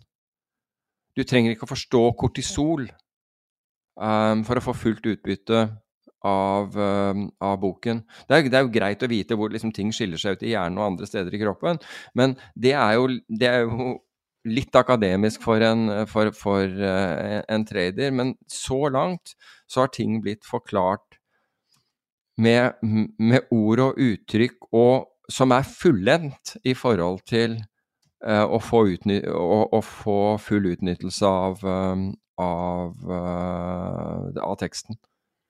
Da kan du jo bruke din nye informasjon på å prøve å forklare det her. Hva da? Uh, nylig har institusjonelle tradere kjøpt net speculative options, altså premiumene, altså basically forsikring. Ja på institusjonelt nivå i aksjemarkedet til et nivå som er tre ganger 2008. Det er totalt av skalaen hvis du drar ut uh, X-aksen historisk. Det er så enormt utslag. Ja, og Hva er det som skjer? Jo, jeg tror eh, ganske enkelt at vi har forklart det allerede i denne podkasten, nemlig alle de tingene som har skjedd, men som man egentlig ikke har merket i Norge, fordi Oslo Børs er liksom pluss-minus null. Og det er ingen frykt i markedene, eh, slik jeg oppfatter det, selv om du, du leser at folk har liksom tapt 80% her og der på, på Euronex Growth-aksjer. Men de aller fleste har ikke merket noe som helst. Men i utlandet så har man merket seg at børsen er ned 20% Man merker at, uh, man har tapt en fjerdedel av, uh, av pengene man har hatt i, i, i, statsobligasjoner. Man ser gasspriser, man ser, man, man ser hva som skjer Eh, på energisiden. Og vi går og, man, og ytterligere negative makroøkonomiske faktorer dukker opp nesten, nesten daglig. Altså Det eneste som vi har der ute som for så vidt er, er uh, positivt, er arbeidsmarkedet.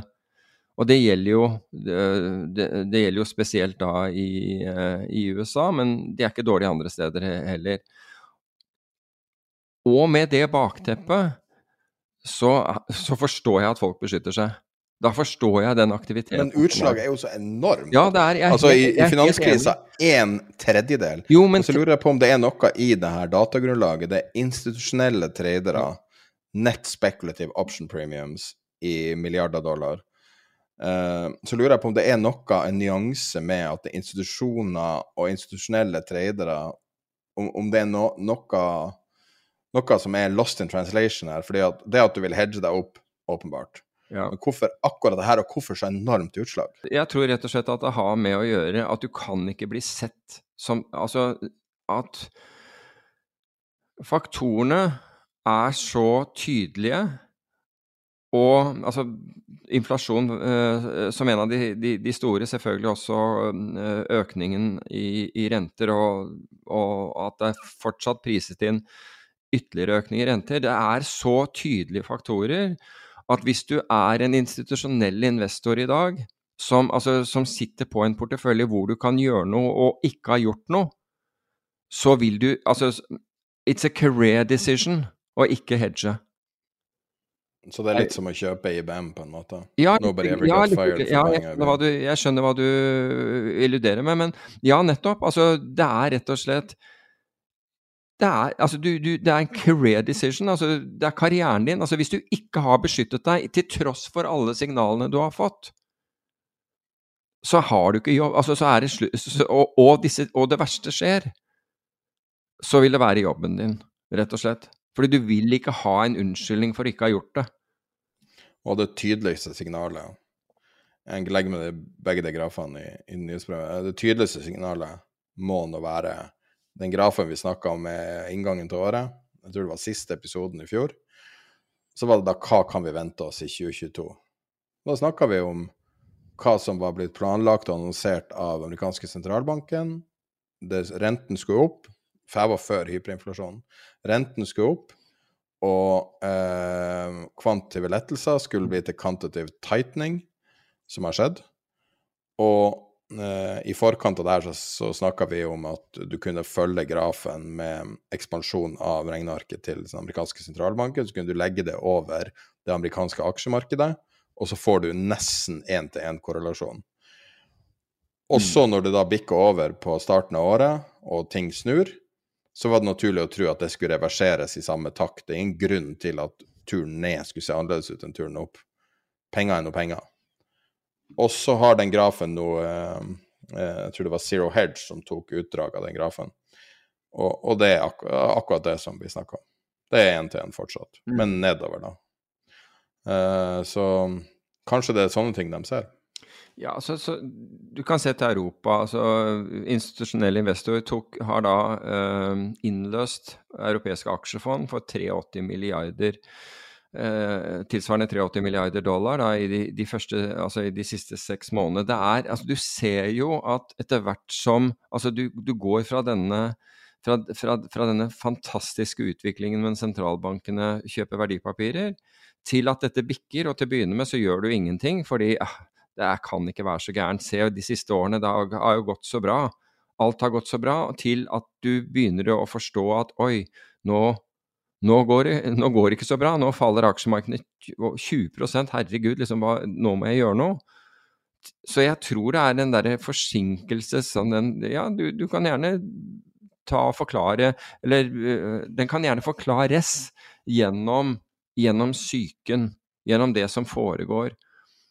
Og etter hvert så innser du at liksom, du, du, kan ikke, når det ruller inn så mye dårlig, dårlige nyheter, at du, du, kan ikke være den som ikke har gjort noe hvis det nå smeller. Det er mye bedre å være en del av de som på en måte øh, forsikret seg feil, fordi du kan forklare at det gjorde alle andre, og det var veldig mørke skyer, og du vil aldri bli straffet for det.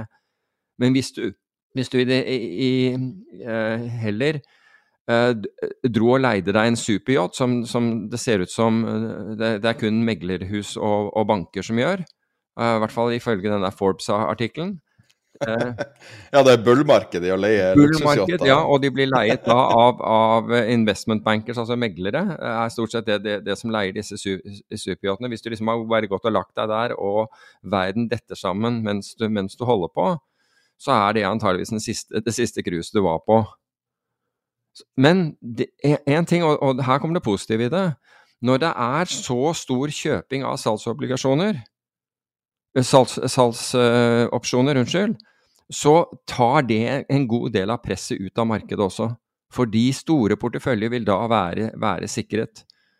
Og fortsatt er det slik Eh, og, og forbausende nok, altså du kan si at Vixen, da, som er, som er nivået for, på, på, opsjoner, altså som forteller om det, de er dyre eller billigere, eller hvilket nivå de ligger på, det ligger jo altså det ligger vel rundt så, hva er det, 70-80 høyere enn det, det, de gjorde før. Sånn, vi lå rundt 11-12, og nå ligger vi rundt 20. Som egentlig, men i forhold til hvor Uh, hvor uh, opsjoner på nettopp statsobligasjoner ligger, altså den Move-indeksen, så er da er til og med Selv på dette nivået så så er aksjeopsjoner underpriset. Så enten er statsobligasjoner og opsjoner overpriset, det kan være interessant, jeg driver og ser, ser litt på det selv. Enten å, å, å trøyde mellom de to, den, den spredden, men enda mer attraktivt syns jeg faktisk det er å, å, å, være short high yield gjennom, gjennom, opsjoner også. Det er også Det er, det er attraktivt, for, for, selv om de er ned 12-13% i, eh, i Europa i år, så um, hvis, hvis det først gir etter, så, så, så, er det ingen refinansiering av, av slike. Det, det, kommer ikke inn penger. Og da bør de være da, da, bør, da bør virkelig de være lavere. Vil du høre um, i et Her har vært et deprimerende år, mye elendighet. Vil du høre kanskje den mest deprimerende effekten jeg har hørt så langt i år? Ja, kom igjen. Så hvis du vil være bullers, bare spol ca. ett minutt fram. Halvparten av de topp 100 mest populære tingene å kjøpe med Klarna i USA Klarna eh, tilbyr eh, buy now, pay later. Mm. 90 halvparten av de topp 100 produktene er matvarer nå i USA. Oh. Wow. Eh, et annet selskap som heter Zipp, sier at i USA så har de hatt vekst, altså dobla størrelsen på matvarer som lignende selskap. Folk tar opp gjeld for å kjøpe mat, og hvis ikke det er skummelt Nei, så vet ikke jeg. Altså. Jo, det, det, det er skummelt. Uh, Altså, vi går, vi går, ut av et marked der folk på toppen sitter og, og leier yachter for den store gullmedaljen, og den på bunnen kjøper mat på avbetaling. Ja. Men den på bunnen er jo basically det som var mellomklassen for en generasjon siden. De levde Simpsons-livet med hjemmeværende mor og ikke utdanna far eh, på jobb og tjente nok for å, for å dekke forbruket til hele familien. De eksisterer ikke lenger. De folk kan kjøpe nå mat på avbetaling. Uff a meg. Det ser grusomt ut. Ja, jeg kan jo, altså hvis, hvis, det blir Hvis det virkelig skulle bli en, en strømkrise i, uh, i, i Sør-Norge i, i, i, vinter, altså det blir ordentlig kaldt altså Jeg har slått av alt av, av varmen. Den eneste varmen er uh, varmtvannet er en sånn varmtvannstank. Um, Men en venn av meg, som uh, også en tidligere fallskjermkollega for øvrig, han, uh, han, eh, driver med ved. Og de hadde liksom planlagt uh, stille og en litt sånn lengre sommerferie, for å ha jobbet så hardt i, i vinter. Men nei da, der kom folk i mai, april og mai, og, og kjøpte ved. Så, så, folk frykter jo virkelig det. Jeg tenkte på det her forleden dag. Uh, var, altså, hva, hva, kommer folk til å gjøre hvis strømprisen er liksom 11 kroner og høyere? Da tror, du, da tror, jeg du, kommer til å se mange, for, mange med 100 liter sjekker med, med øks, øks, på siden dra inn i, inn i Nordmarka. Det, altså, det, det, kommer til å være snauhogst eh, mellom, uh, mellom, mellom Frogneseteren og Jevnaker. Du, du, kommer til å se Hønefoss fra, fra Frogneseteren. Ja, for nå, nå, kommer vinteren. Er vi klar? Jeg vet ikke. Jeg håper jo virkelig, virkelig vi er klar. Og sånn som vi snakka om forrige uke, at mennesker er i stand til å endre seg. Mm. Hvis mennesker ikke endrer seg, så er vi ikke klar. Men sånn som det ser ut nå, så ser det jo i dag har det kommet nye, nye overskrifter om at man skal prøve å curbe, altså begrense etterspørselen så mye som mulig.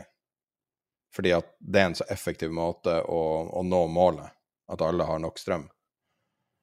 Um, så kanskje, kanskje det går. Men jeg ser folk uh, hvor, hvor, jeg bor, altså de plukker jo opp uh, Det er riktignok De hogger ikke, hogger ikke veden, men uh, de plukker opp grener og, og alt mulig i, i skogen, altså og, og, til ved.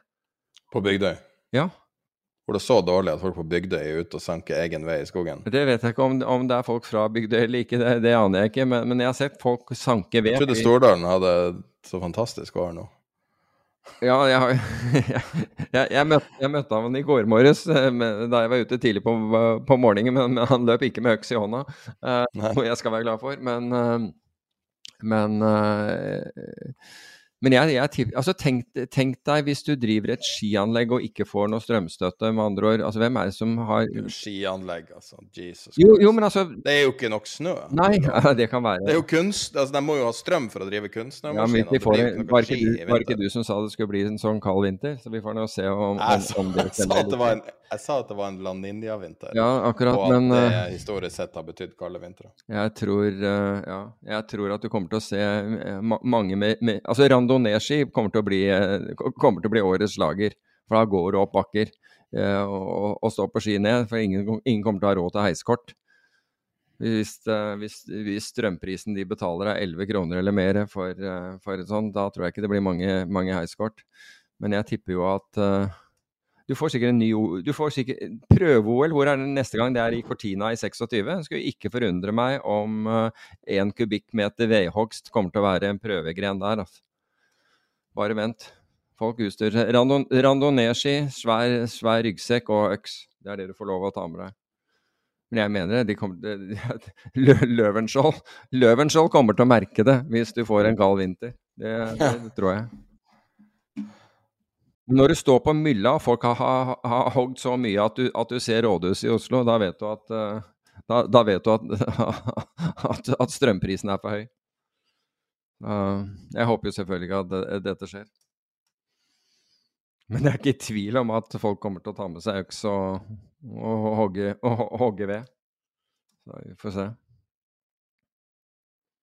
Hva er det Darwin sa? Evnen til, til tilpasning, det er mennesket. Der har du, du vet, XXL. vet du, de kommer, de kommer til Etter dette her så kommer de til å lage pakker. 100 liter sekk, øks på siden og randonee-ski. Bare vent. Men uh, Oslo vest er jo så opptatt av vekt at dere vil jo Det er jo utrolig viktig å holde Vekt? Ja, ja. Vekten på hva da? På, på personen. Ja, men... Dra ut i skogen og hogge ved må jo være den beste treninga. Du skal ikke spise veden? Nei, ikke sant. Du skal hogge veden. Ja. Det er bra treningsøkt, det. Ja, det er en bra treningsøkt, det skal jeg love deg. Pål Gunnar Mik Mikkelsplass kommer til å få en sånn ordentlig renessanse. Det var en lang... Hva du tror du om det EQT-fondet? De uh, eh, henta 24 milliarder nå. Ja, det ble ikke de akkurat fri... Uh, de har ikke hentet det, de håper å hente det. De ble akkurat frifunnet av den svenske bankinspeksjonen, eller Finanstilsynet, så jeg. Og... Ja, det står 'henter' på DN, men uh, nei, de har henta akkurat. Har de virkelig hentet? Ja, det er det er mye, altså. Men det er jo selvfølgelig riktig tidspunkt å gå inn og, ja, klarer, og plukke altså, teknologi. De har jo vært kjempeflinke, så hvis de klarer det, så er det jo helt, helt rått. Hva er det du kommer til å følge fremover? Er det igjen primært? Nei, altså jeg tror det er, det er yen, det er pund, det er sveitserfranc, det er, det er eh, reniki. Så valuta generelt? Ja, altså jeg, det er bare fordi der er det sprekker. Og, og det vi vet, det er jo at hvis disse Altså, det får store konsekvenser. F.eks. de som har lånt til sveitserfranc, og sveitserfrancen stiger 40% siden 2007, hvis noen har gjort mot, mot euro. Det får enorme konsekvenser. Det gjør at man endrer uh, At ting endrer seg i økonomien. Og Det samme kan du få nå. nå har jo Bank of Japan, som du nevnte, gitt beskjed. Men altså førsteverbale skjedde ikke noe, andreverbale, da, da, da, skjedde, da, skjedde det noe. Men det var ikke noe voldsomt, fordi da hadde dollar igjen allerede steget til altså Da touchet det vel 145 før det falt ned mot 141. Um, så de har ikke vært ute og gjort noe, men det er bare at disse tingene Altså mangel på likviditet uh, det at valutakurser drar så mye som de gjør, altså uh, skaper skaper uh, utfordringer i internasjonal og nasjonal økonomi. Og da kommer det til å skje ting. Og de, de, disse tingene gir muligheter, for vi ser jo at de skjer. og det er, det er, veldig sjelden at sentralbanker kommer inn uten at de har fått noe signal på forhånd. Det er ikke sånn at du våkner en morgen og så har de vært der, og du ante ikke noe. Uh, på forhånd. Slik at dette gir jo muligheter til å posisjonere seg for de som ønsker. De kan ta posisjoner på det. Um, og tenke igjennom hva som er i ferd med å skje. Og det gir, det gir, uh, det gir muligheter, så, så, sånn må man være bullish på. Men det man ser ved likviditetsutfordringen som da Bank of Japan, uh, unnskyld, uh, Bank America nevner når det gjelder amerikanske statsobligasjonsmarkedet, det som har skjedd i, i, i, kraft- og gassmarkedet i Europa, hvor, hvor det har vært intervensjoner det, altså det, det, knaker ordentlig i demningen, og demningen er, er liksom våre tradisjonelle verdier og måter vi tenker på finans. Og plutselig kan noe gi etter som, som, skaper helt andre ting. Og det er lenge siden det har skjedd nå. Og, og det betyr bare at folk er uh, complacent, uh, uh, likegyldig. Man ser, ikke, man ser, ikke, faren, man tenker ikke på dette. Det er, oh, det er for mye bry, bryderi å, å tenke på noe annet. Og dermed så kan disse tingene få stor effekt. Og det vil ikke være noe vanskelig å forsvare disse effektene med nettopp det som har skjedd i verden. Og da bruker selvfølgelig politikerne bl.a. Uh, krigen i Ukraina og mye usikkerhet og alle disse tingene for at, for at det skjer store skift. da. Fordi man må ha et narrativ hvor man forklarer hvorfor, det, liksom, hvor, hvorfor gikk det liksom så, om du vil, gærent, eller hvorfor ble det så store forandringer. Ja, Det var jo helt opplagt. Du så jo at det ikke sant, det er jo det som Det lages et fint narrativ i ettertid. Så, så du kan si at istedenfor å se på dette med frykt, så kan man se på dette med Apropos reframing, og man kan se på dette som spennende, og, og kanskje det kommer noe nytt og nye muligheter ut, ut av det, det som skjer nå. Og det, jeg tror at dette her altså Et eller annet sted vil dette gi etter. Og det vil gi etter fordi Bare for å rekapitulere litt, altså sentralbanker er ikke gode til å styre inflasjonen, og det er det de forsøker å gjøre med renten nå. Og det er en stor, i hvert fall like stor, fare for at de knekker økonomien som at de knekker inflasjonen. De kan knekke begge, men det verste er hvis de knekker økonomien og ikke inflasjonen, for å si det på den måten. Så men det er ikke et lett tidspunkt i historien å være skråsikker, syns jeg. Nettopp. Jeg kan være skråsikker på at det ikke er lett å være skråsikker. Nei, men det er jo helt riktig. Det er altfor mange som er skråsikre. Det er fortsatt altfor mange som er sk skråsikre, og, og, og, som leier yachter, og som leier superyachter. Det tror jeg er en grei måte å avslutte den tradisjonelle episoden på. Men vi har um, et klipp fra uh, forrige ukes intervju som vi la ut på Patrion. Eh, med uh, Robin Wigglesworth, som er Norges egne underredaktør i Financial Times. Han er redaktør i FT Alfavill. og hadde en samtale med han som var veldig artig, og han har veldig mange interessante perspektiver. Sylskarp analytiker sjøl og har veldig gode kilder. Så her er et lite klipp fra uh, den episoden vi sendte på jeg tror det var torsdag. Og hvis du vil høre hele, så kan du gå inn på Patron. Det er link i beskrivelsen, det er link på Facebook-sida. Overalt der, der, du fant denne podkasten, er det en link til eh, Patron også. Um, da tror jeg vi går i gang med det. Du må si ha det bra. ha det bra. Veien til Financial Times er ganske uvanlig, og Financial Times er virkelig på et helt eget nivå. Hvordan havna du der? Ja, mye tilfeldigheter. altså Det er jo det som ofte er hemmeligheten, ikke sant. Um, nei, altså jeg hadde studert i utlandet. Jeg visste egentlig at det var ikke sånn at jeg var anti norske aviser, men jeg visste jeg hadde lyst til å prøve å jobbe ute uansett, fordi jeg hadde en engelsk far, så liksom alltid sett litt mer utover. Uh, og så begynte jeg liksom bare søke etter ymse jobber. Jeg skulle egentlig gå og være journalist i, i Forsvarsnytt, uh, som del av verneplikten. Uh, så, men så ble jeg bare tilbudt en finansjobb i Midtøsten for et lite bankingblad. Og jeg kunne ingenting om finans, men jeg hadde studert mye, mye av mastergraden min var om Midtøsten og, og, politisk islam. Så da endte jeg opp der. Og, og, på en måte så var det egentlig på en måte en litt sånn drittjobb. Altså det var ikke veldig kredibelt blad. Liksom, kjøpte du et års med reklame, så fikk du for, forsiden, for å si det sånn. Men jeg lærte enormt mye, og det jeg fant ut, at det å lære litt om finans og økonomi, lære om penger, så forsto jeg verden litt mer. Eller verden virket litt mindre uforståelig, da. Uh, så da syns jeg ble var grepet, og så gikk det videre derfra. Du, jeg må jo si, jeg må rose din, din journalistikk. Jeg tror jeg leser alt du skriver, i hvert fall veldig mye. Nå har jeg ingen måte å få med meg alt, men jeg fulgte deg på Twitter i mange, mange år. og må både si fra meg personlig, men også Peter, vi, vi tar Altså, du dukker opp nesten ukentlig i et eller annet sammenheng, og det er ofte veldig spisse saker, veldig konkrete saker. Og du virker å være fokusert til en viss grad på fondsverdenen, og med nå i Alfavill, så er det jo da er det jo, da er det jo virkelig nerdehovedstaden i, ja. i, i, finans. Ja, nei, jeg kan nerde ut godt på Alphaville. Nei, altså der er det litt Altså, jeg kom jo til Financial Times som Midtøsten-korrespondent da, med med litt eh, makrobakgrunn. Eh, men jeg bare synes det var der jeg slags kunne add value, som man sier på engelsk. Altså for å si sånn, Det er nok av folk som dekker og vil dekke politikk eller skrive musikkanmeldelser. Eh, finans og økonomi er for veldig mange folk litt uforståelig kjedelig. Jeg syns det er bare veldig viktig, da. Og, og hvis du kan prøve å, å, være med på å skinne litt lys der, så, så kan det kanskje være mer verdifullt være, enn å være den ørtende personen som skriver om hva som skjer på tinget eller, eller i musikkverden, for en saks skyld. Så det er mye mer glamorøst ofte, da. Men jeg syns jeg har en ufattelig kul jobb. Og det at det dekker sånn fondsverden, det er litt mer produkt av Jeg har til stor grad spesielt meg, men også bare i Financial Times, så har vi lov til å gå litt der vi tror de store sakene er.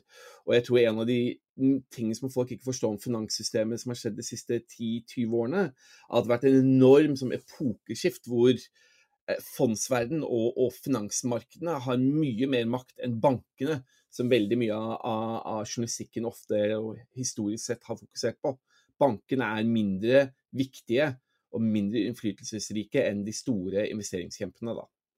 Og da eh, på en måte det litt naturlig overgang til boka du skrev. Jeg regner med det er i den sammenhengen du tenker.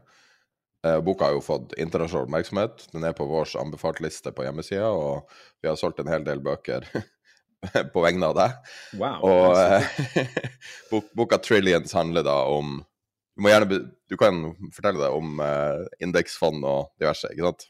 Ja, å fytti grisen, det kan jeg snakke om lenge. Uh, Vi kan starte altså, hvorfor, hvorfor temaet, da? Hvorfor ja, det temaet? Det var rett og slett at jeg hadde vært finansjournalist i London, så jeg var Midtøsten-korrespondent i Financial Times. Men så øh, skulle jeg flytte tilbake til London, måtte jobbe i moderskipet litt, og da dekket finansmarkedet da når europakrisen eksploderte. Og det var da jeg slags ble fulltidsfinansjournalist, og det var bare veldig spennende. Du lærer nye ting hele tiden. Men i Financial Times så kan du ikke dekke absolutt alt hele tiden. Altså Bloomberg har 2000-3000 journalister, vi har et par hundre. Så du må være litt mer strategisk om hva du dekker.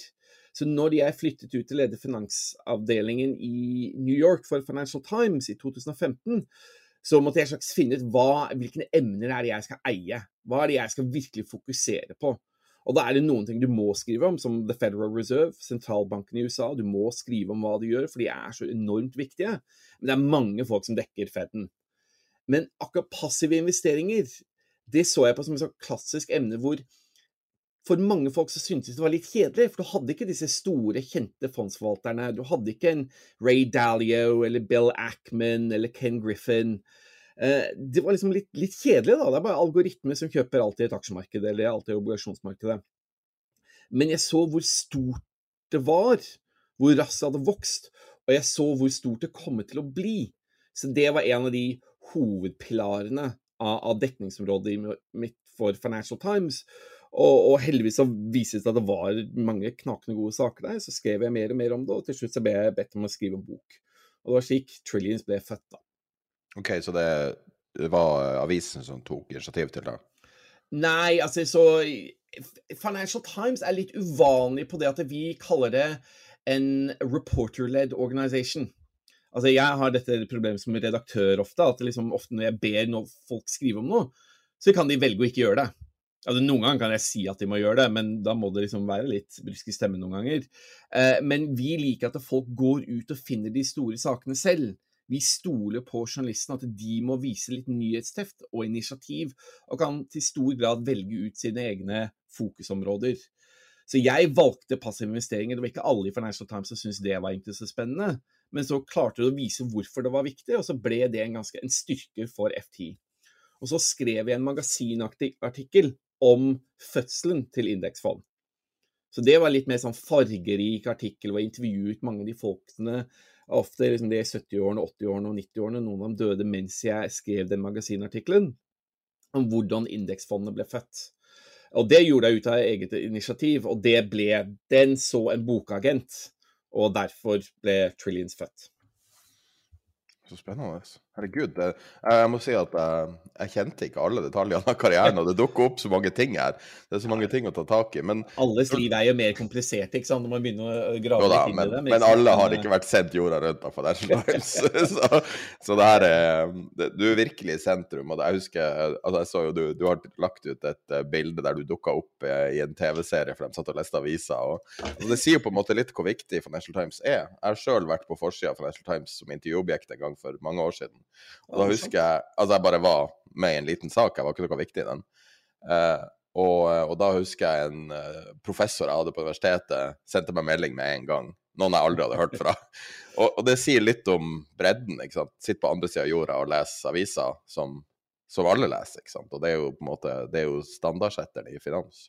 Ja, Nei, og jeg er, si sånn, er liksom, Når du jobber i et sted, så er, blir man ofte litt, kanskje litt blasé og blir litt sånn avslappet og, og, hvordan det er der. Og jeg klager jo over ting hele tiden, jeg også. Men det er en helt fantastisk avis. Det er en grunn til at jeg har fortsatt å jobbe der så lenge. Eh, det er utrolig moro, og du jobber med utrolig smarte folk. Og ja, du, du har liksom litt ærefrykt over innflytelsen du har, da. Og Jeg husker det særlig under europakrisen, altså hva Financial Times skrev om Hellas og Spania og Tyskland, og, og plutselig sa finnene noe, ikke sant? og så plutselig begynte aksjemarkedene å kaste opp. Uh, du er veldig du, litt, du, må ha litt ærefrykt over, over, ansvaret da, som kommer med å jobbe i en avis som Financial Times. Og det er utrolig gøy. Det er det. Og, og litt skummelt noen ganger. Uten å snakke drit om noen, hva syns du om norsk finansmedia? Nei, altså Mange har spurt meg om dette her, og jeg sliter litt med det. Eh, jeg syns det er litt mangel på ambisjoner Uh, og da snakker jeg ikke om nødvendigvis eh, bredden av hva de skriver om, og hva de skriver om, men det er liksom litt dybden, da. At de undervurderer hvor smarte folk er, og hvordan du kan egentlig forklare ganske kompliserte, men viktige ting til folk flest. Jeg tror det er en, en, en det er en fristelse å alltid dumme litt ned dekningen, fordi du må favne bredest mulig. Du kan ikke bare snakke til 300 folk på Aker Brygge, eller 3000 folk i hele Oslo by. Du må liksom gå til et bredere nedslagsfelt. Og, og jeg tror kanskje frykten er at du, jeg syns de går kanskje noen ganger litt for bredt, eller undervurderer hvor mange folk sånn generelt vil forstå verden. Og for å forstå verden, så trenger du å forstå pengeverden også, mener jeg. Uh, så jeg skulle gjerne litt sett at uh, norsk finanspresse og økonomipresse bare var litt Ikke bare snakket til kjerneleserne og så hadde en sånn generell dekning her og der, men faktisk var ambisiøse uh, på hvordan de skrev det, og hva de skrev om, hvor ofte de skrev det. Fordi kunnskapen ofte er der. Det er veldig mange dyktige finansjournalister i Norge. Men jeg tror noen ganger så får de ikke alltid sjansen å vise det, da, er mitt inntrykk. For nå åpner ft.com, altså de norske finansavisene. Og det som er den forskjellen, egentlig, er vel at dok, altså FT har tilsynelatende et ganske lavt personfokus, spesielt på investorer. Og hvis man har personfokus, er det ofte veldig spesielle saker. Er det et bevisst valg fra FT? Nei, altså noe av det er liksom litt form over substans, hvor Altså, helt klart en av de tingene jeg forbarmer meg over i norsk og nordisk presse generelt, for jeg pleide å lese liksom, Dagens Industri og Børsen ganske ofte også, er hva jeg kaller liksom, talking head-journalistikk. Hvor du skal skrive om detaljhandelen eller uh, oljepriser eller eiendomspriser eller noe sånt, noe sånn stort og viktig nå, men så får du bare en fotogen analytiker fra en eller annen investeringsbank eller tankesmie som sier noe, og så stenger de opp på forsiden. Og det er basically bare en Q&A. Det syns jeg bare er lat journalistikk. Det er det jeg syns er en skikkelig uting. Uh, du kan godt skrive bare om hyttepriser hvis det er liksom det du vil gjøre hver eneste dag, men altså, å være litt mer ettertenksom må, for måten du presenterer og hvor mange kilder du snakker med, Altså Hvis jeg hadde sendt en artikkel inn til en redaktør i FT med én kilde, én person jeg snakket med, altså da hadde jeg blitt ledd ut. Det, det, det hadde aldri skjedd. Det er nesten utenkelig. Og det syns jeg er kanskje litt for vanlig her. Men det med personfokus altså Jeg er helt enig at det kan bli gjort kanskje bli, det, er, det er mye av det i pressen, men det er litt fordi folk liker å lese om andre folk. Og det er sant i finansverdenen også. Uh, så jeg syns ikke det nødvendigvis er en dårlig ting i isolasjon. Det er bare måten man gjør det, da. Så jeg syns det er helt greit at de skriver om store investorer, kjente analytikere, kjente økonomer. Vi har kjendiser i Financial Times også. Så Bill Gross er jo noe som kan nesten liksom prompe og så komme på forsiden i FT. I hvert fall i gamle dager.